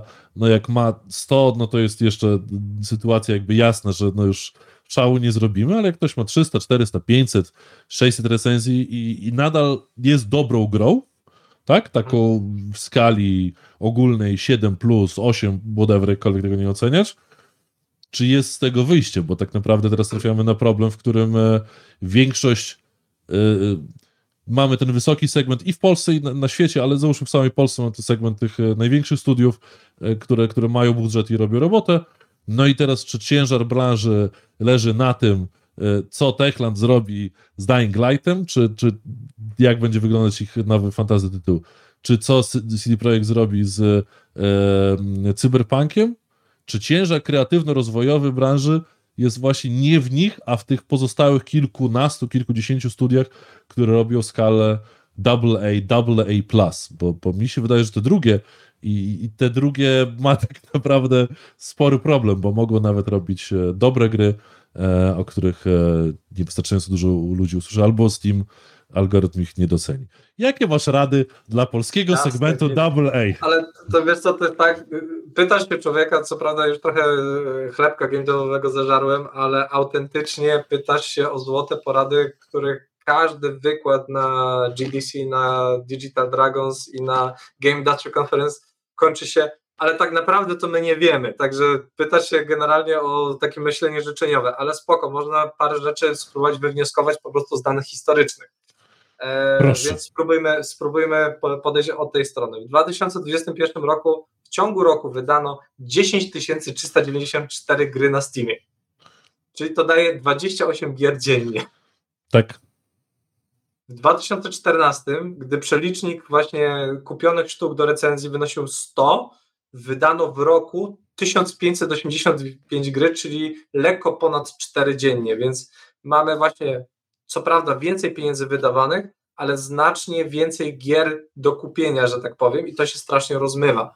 Więc, żeby się wybić ponad to, trzeba najpierw wybić się poza shovelware, poza tą kupę łajna, którą trzeba odgarniać łopatą. I teraz, bo mamy asset flipy, bo właśnie gry się robi bardzo tanie, bardzo szybko i bardzo prosto.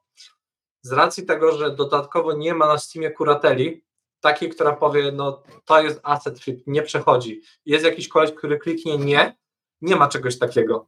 No to w tym momencie właśnie masa badziewia przychodzi na Valve zarabia tak czy tak. No bo zarabia na wejściowe plus No e, pytanie, czy na 30% od sprzedaży. Sergio wejdę, czy problemem jest masa y, gówna, które trzeba odszuflowywać, żeby się dostać do dobrego, Jednym, do dobrej gry? składników. czy teraz może są czasy, w których po prostu jest ogólnie dużo gier i jest po prostu dużo dobrych gier, przez które po prostu nie jesteśmy w stanie się przebić, tak? To też, że y, wraz ze wzrostem masy ten Tak. ułamek dobrych gier bądź gier wybitnych też rośnie, więc faktycznie ta właściwa powiedzmy konkurencja, zostawiając badziew gdzieś tam w tyle, właściwa konkurencja też wzrasta i jest to też problem, bo znowu no jest ograniczona ilość y, graczy, która jest w stanie kupować te gry. Czy E, jeszcze, czy, jeszcze jedna rzecz, Matkę. Czy twórcy Double A konkurują ze sobą o audience, czy oni konkurują z, o uwagę, graczy, którzy grają w te badziewne tytuły, w seks tytuły, przeglądarkówki, e, albo siedzą na kurniku. Właśnie AA walczą o uwagę Nie wiem, obu dziękuję. Stron. Nie, właśnie walczą o uwagę obu stron, bo chcą przyciągnąć fanów indyków e, wyższą jakością produkcyjną, a jednocześnie przyciągnąć fanów wielkich AA tym, że skończą grę w krótszym czasie. Bo teraz AAA się przychodzi w 20, 30, 40 godzin, albo one się ciągną w nieskończoność, bo mamy Games as Service. E, ludzie dorośli, którzy kupują gry i mają na to hajs, żeby kupować gry na premierę, nie mają tyle czasu. Więc, a właśnie, wydaje mi się, że e, tak naprawdę ze dwie trzecie zarobku e, z danego tytułu, o ile nie jest to gra serwis, to jest e, pierwsze, to są pierwsze trzy miesiące od premiery. Czyli ktoś musi zapłacić za to tą pełną cenę, full price'a, tak? A stać to tylko na ludzi na odpowiednim, powiedzmy, poziomie majątności, czyli zazwyczaj ludzi już zarabiających, więc osoby, może nie całkiem starcze, ale nie chcę się jeszcze łapać do tej kategorii po prostu, ale no osoby Łapiesz się, 20, łapiesz. 20, a, 25, Mhm. 25-40, czyli ten najwyższy odsetek graczy, tak? Którzy po prostu są w stanie na zasadzie, o, fajna gra, sobie kupię niezależnie, czy wydam na to 2-300 czy nie. No i trzeba złapać ich uwagę i właśnie na tym polega ten ciężar właśnie AA-ów, że e, oni muszą robić gry e, interesujące, dobrze wymarketingowane i tak zwarte czasowo, żeby e, osoba właśnie, która na przykład zobaczy w marketingu Dying Lighta 500 godzin, żeby zaliczyć wszystko w grze. Mm. Nie, nie ma tyle czasu i nie kupią. Dlatego właśnie jest istotą, żeby robić gry wysokojakościowo skondensowane, ale dzięki temu też się je robi krócej, więc te koszty są niższe. No dlatego jest ten segment, on się będzie rozbudowywał, on już się rozbudowuje i teraz mamy tak, że musimy ściągać y, uwagę graczy z obu innych sekcji, a jednocześnie konkurować właśnie ze sobą. Więc to tym trudniejsze jest. Całe szczęście, żeby zrobić AA potrzeba trochę więcej niż y, bandy, powiedzmy, studentów z dobrym pomysłem, którzy siądą do darmowego silnika, tylko jednego osoby z expem, na których trzeba też więcej wydać. Więc całe szczęście tutaj ten sufit jest taki jeszcze, powiedzmy, produkcyjny i merytoryczny, tak?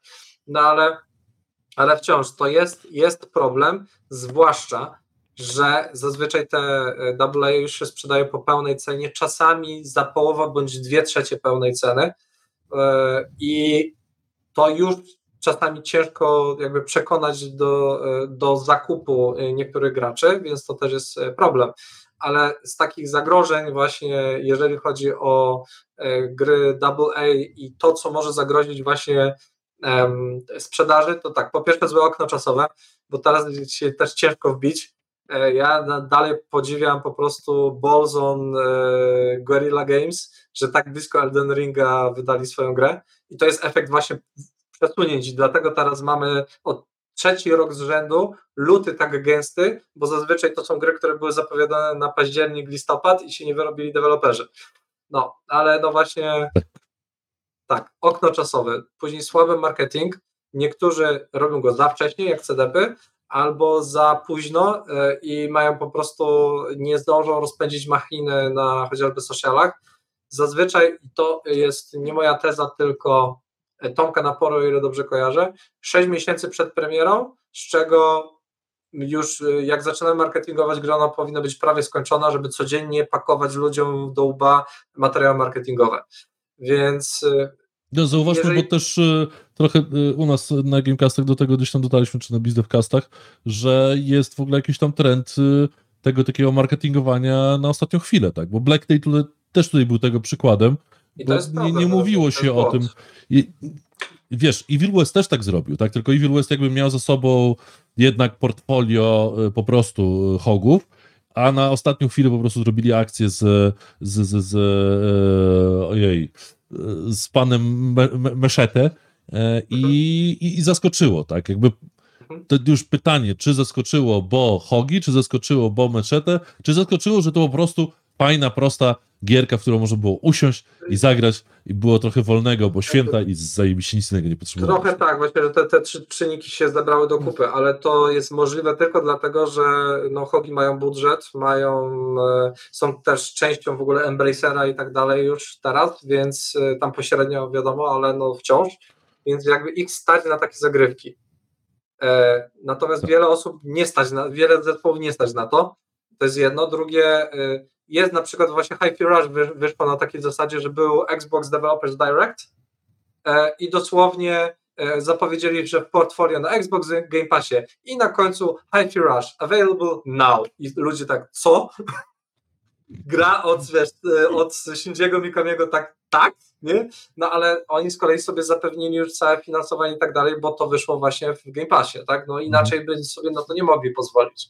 Więc to jest jeszcze, dochodzą te formy sprzedaży, ale przyjmując ten klasyczny e, format, nie przyjmując tego, że coś wyjdzie właśnie w subskrypcji, za którą dostaje się kasę z góry i tak dalej, e, to właśnie trzeba odpowiednio się wymarketingować, złapać dobry czas, zrobić to w odpowiednim czasie.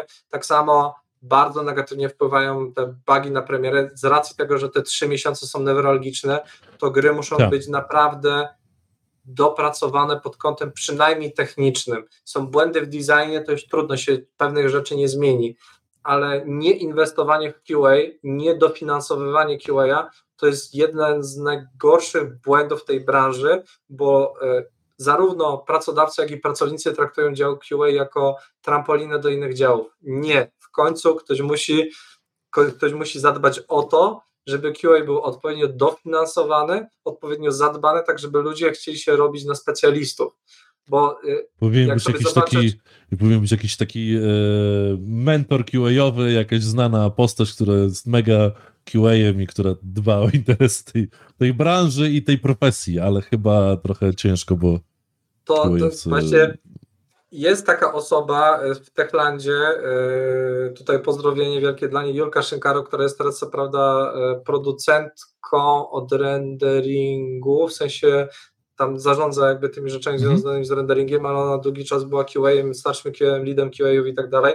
Ona ma bardzo właśnie taki konkretny pogląd na to, jak to powinno wyglądać i, i myślę, że miałaby tutaj dużo do powiedzenia w tym zakresie, jak się powinno podchodzić właśnie do, do, do QA-u.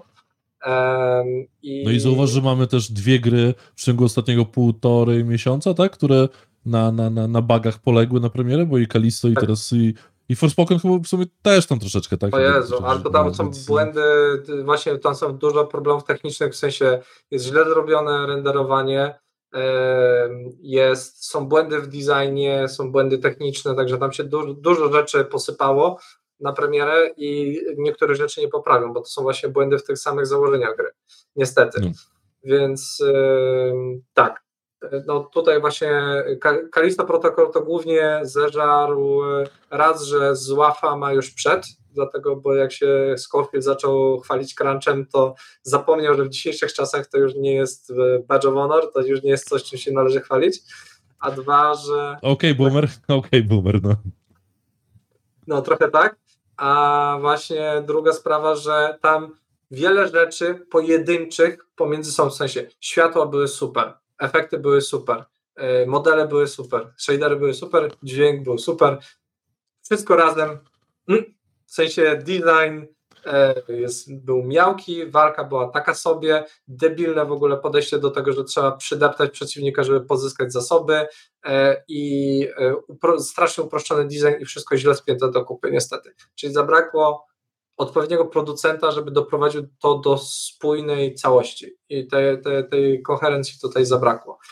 E, No i właśnie, e, później spudowanie z grupą docelową, bo e, mam wrażenie, że niektórzy twórcy chcą zaspokoić, jak już mówiłem, to rozbicie pomiędzy indykami i AAA-ami.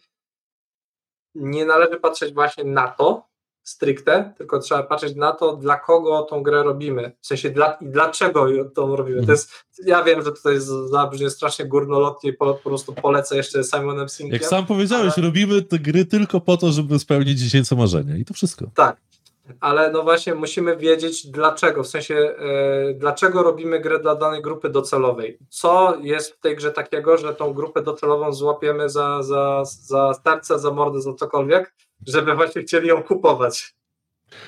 Tak, kontynuuj. No i e, jeżeli i ludzie często, znaczy właśnie studia o tym często zapominają, bo chcą zrobić ileś rzeczy naraz.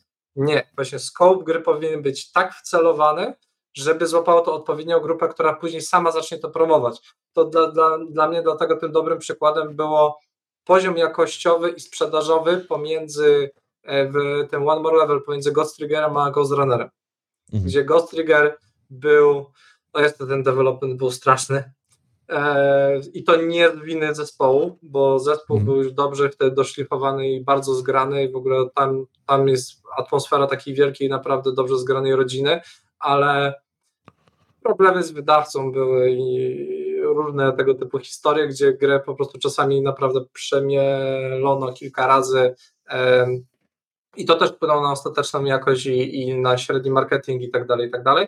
Natomiast właśnie w Ghost Runnerze e, oni wiedzieli, jaką grę robią, dla kogo robią, jaki jest core gry i obcięli surówkę ziemniaczki, zostało samo mięso i trafiło, tak? No i potem już jak ludzie podłapali właśnie na, na, na Twitchu, to był, okazało się, że jest raj dla speedrunnerów, no to wszystko złapało jak należy.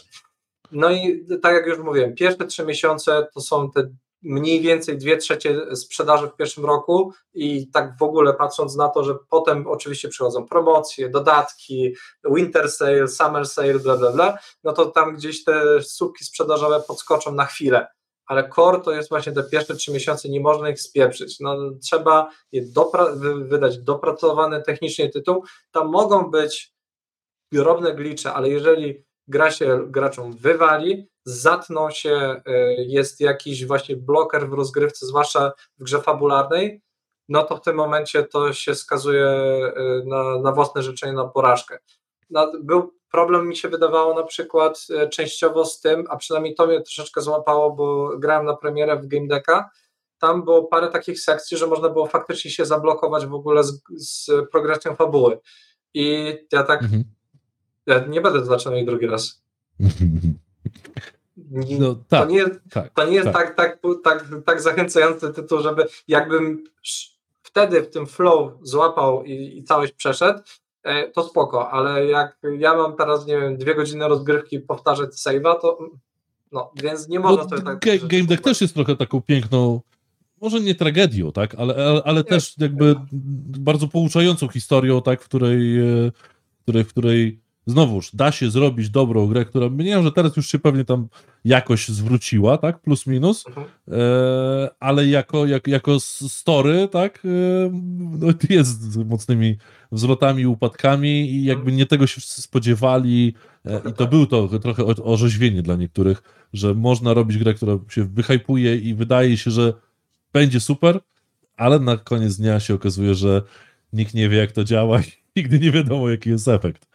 E, a tu Daniel dobrze rzuca e, w komentarzach, że Kalisto trochę było przehejpowane, że miał być drugim Dead Space'em, to po prostu przyjemna tak giereczka w kosmosie. Dead Space był drugim Dead Space'em.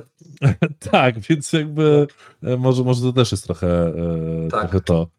Ale widać właśnie, jak wydawca nawet sam obciął estymaty, bo zapowiadali, że sprzedadzą około 5 milionów sztuk, a obcięli te przewidywania do dwóch. Już.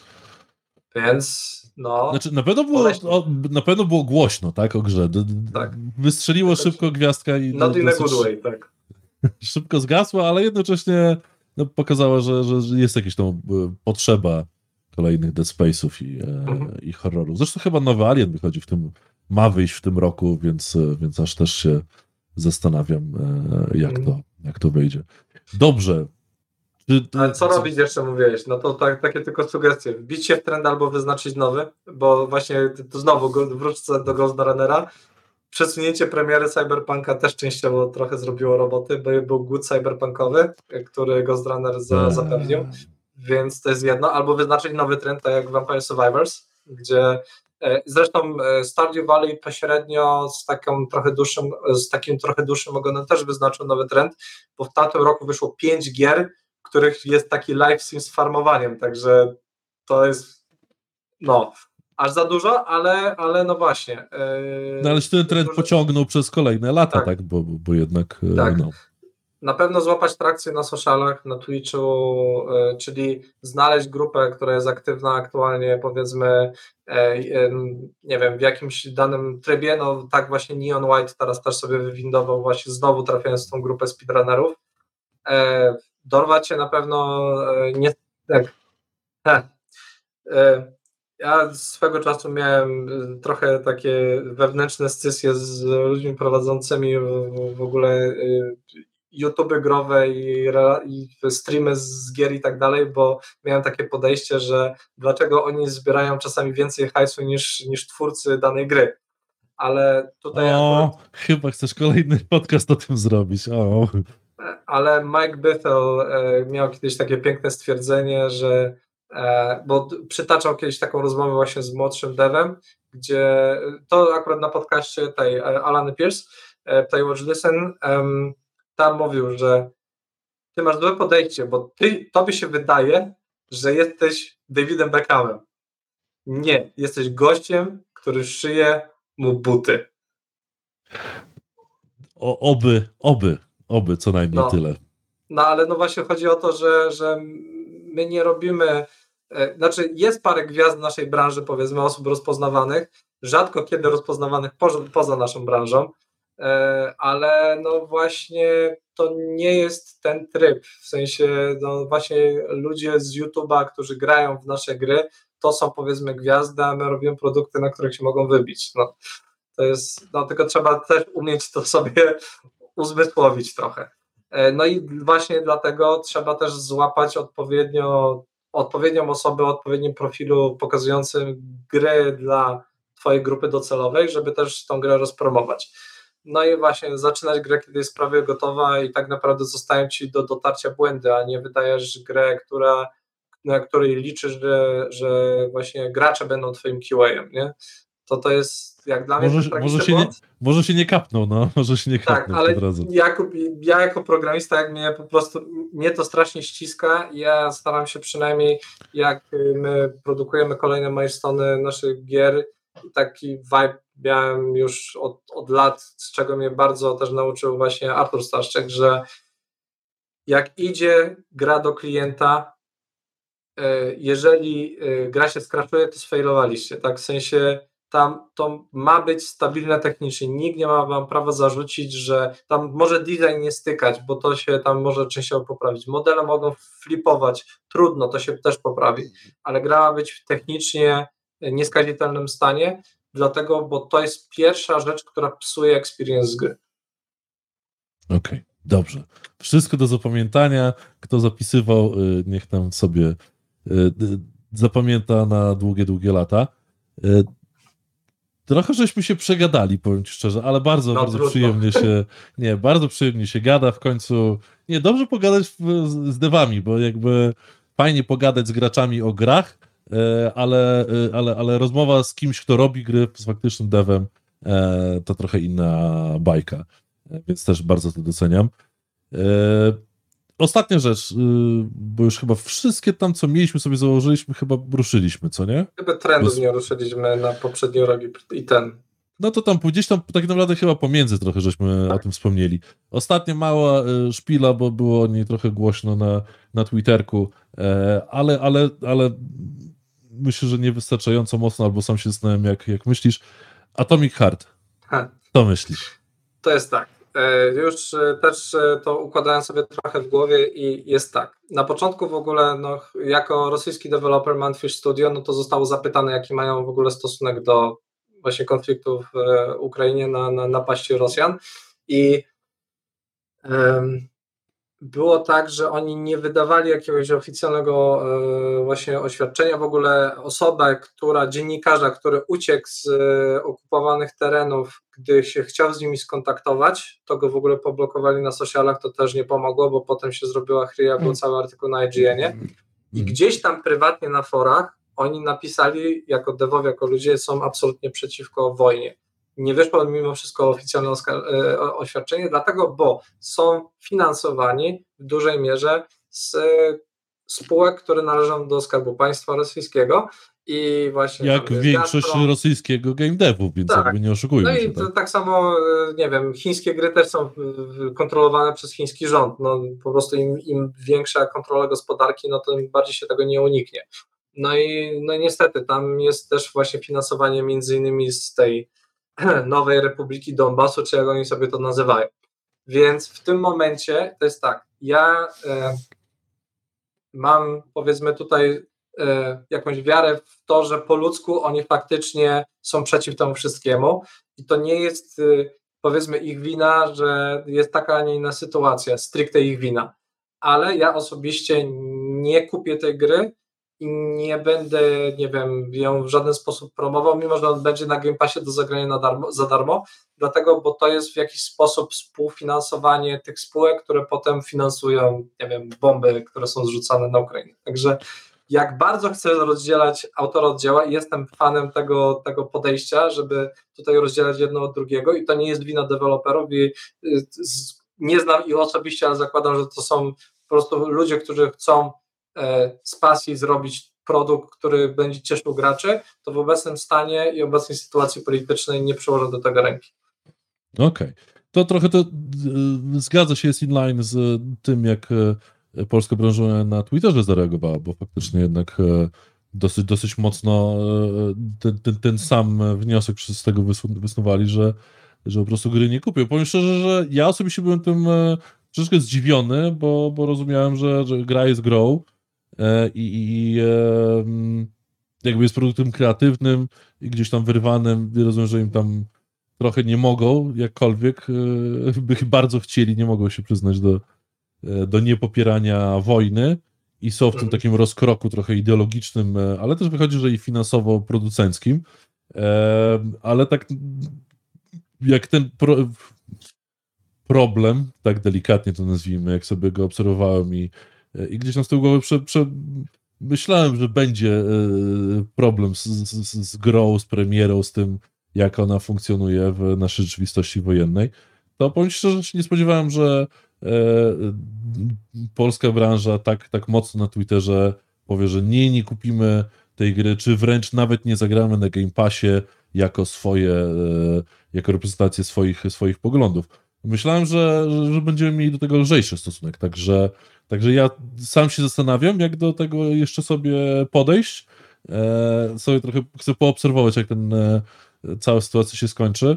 Em, Ale fakt faktem, że no właśnie jesteśmy w tych e, przewrotnych czasach, gdzie teoretycznie no to możemy bardzo długo o tym sobie rozmawiać, bo równie e, no, niektórzy mówią, że równie mordercze są, prawda, kupowanie gier z Chin, e, ale z drugiej strony czy Call of Duty e, jest produktem e, czystym ideologicznie? No jest, ale też tylko z jednej strony, tak, bo, bo realnie jest e, częścią propagandy amerykańskiej, tak, i mówię, nie wchodząc w szczegóły, bo wiadomo, że to za długo się skończy, mówię, nie spodziewałem się, że, że, że polska Mhm. branża w ten sposób zareaguje, w taki bardzo, bardzo e, emocjonalny i, i wręcz zunifikowany sposób. I, I myślę, że gra e, sfejluje troszeczkę przez to. Mm, ale, ale fakt, że, że zrobili dla dziennikarzy e, event mediowy w stylu e, komunistycznego eventu e, z gwiazdami i, i ten, to, to, to było trochę gdzieś tam, gdzieś tam Spudłowało troszkę. trochę, trochę gwóźdź do trumny, który jednocześnie no, nie mógł być zrobiony bez publishera? Tak. Niemieckiego, tak? Dobrze kojarzę? Tak? Oni mają niemieckiego publishera? Bo tak. Aż, aż sobie sprawdzę, Czekaj. ale, ale to, że to y, gdzieś ludzie robiący biznes marketing puścili, no, Francuska firma. No, no. To, to, że to przez nich musiało przejść i, i ktoś to klepnął, ktoś, kto zarządza biznesem tam, to powiem że tego absolutnie nie spodziewałem i e, aż się zastanawiam, jak to gdzieś dotarło do, do kogoś bardziej decyzyjnego w fokusie i tak, To jest, Tak, robię. czytacie gazet? tak, reble. Ale z drugiej strony może, może Francja jest właśnie taka, no, że to nie Putina wina, no. E, Ale dobrze. e, Słuchaj, dziękuję Ci bardzo, bo myślę, że już przeleciliśmy wszystko, co tylko praktycznie mieliśmy. E, Bardzo fajna rozmowa. E, Bardzo się cieszę, że udało nam się zgadać, pomimo Twojego trudnego grafiku, ale, ale udało nam się w miarę. Przepraszam za to, ale to Nie, nie, to- jest sytuacja. Spokojnie, jak na y, zszywacza butów Beckhama, to naprawdę jeszcze w miarę szybko udało się te dwa tygodnie zgadać, więc, więc jest spoko. E, super, dzięki. Powodzonka w projektach. W sumie nic nie powiedziałeś o swoich projektach. Może chcesz ostatnie e, cztery minutki rzucić na, na autoreklamę e, tego, co, czy może, czy, czy cokolwiek możesz powiedzieć, czy nie? Znaczy, z, z, te- które robimy w Full Theory, no to aktualnie projekt Vitriol, który będzie miał niedługo e, kolejny trailer, e, ale to już jest, leży w kwestii 11 bitów. No, pracujemy jeszcze właśnie nad remake'em Witchera, a e, sam prywatnie robię projekt, którego jeszcze nie mam zamiaru ujawniać, dlatego, bo zgodnie z tymi zasadami, skoro gra nie jest skończona w korze, no to szkoda jej marketingować. Okej. Dobrze, ale będzie i to będzie Będzie gra muzyczna. Ale, wy, ale, ale y, raczej planujesz przyszły y, rok. Czy to już jest To tak? się cały czas przesuwa, ale no, w- już zacząłem wydawać takie pieniądze na tą grę, że kiedyś powstanie. A, okej, dobra. Dobrze, czyli życzę y, wszystkiego dobrego, aby jak najmniej drenowało budżet, a jak najbardziej y, spełniało nasze dziecinne marzenia, które absolutnie z Tobą podzielam i mam nadzieję, że na, na kolejnym GD będziemy mogli sobie pogadać o tym spełnianiu dziecięcych marzeń deweloperów. Dziękuję wszystkich, y, wszystkim, trzymajcie się i do usłyszonka. Na razie, hej!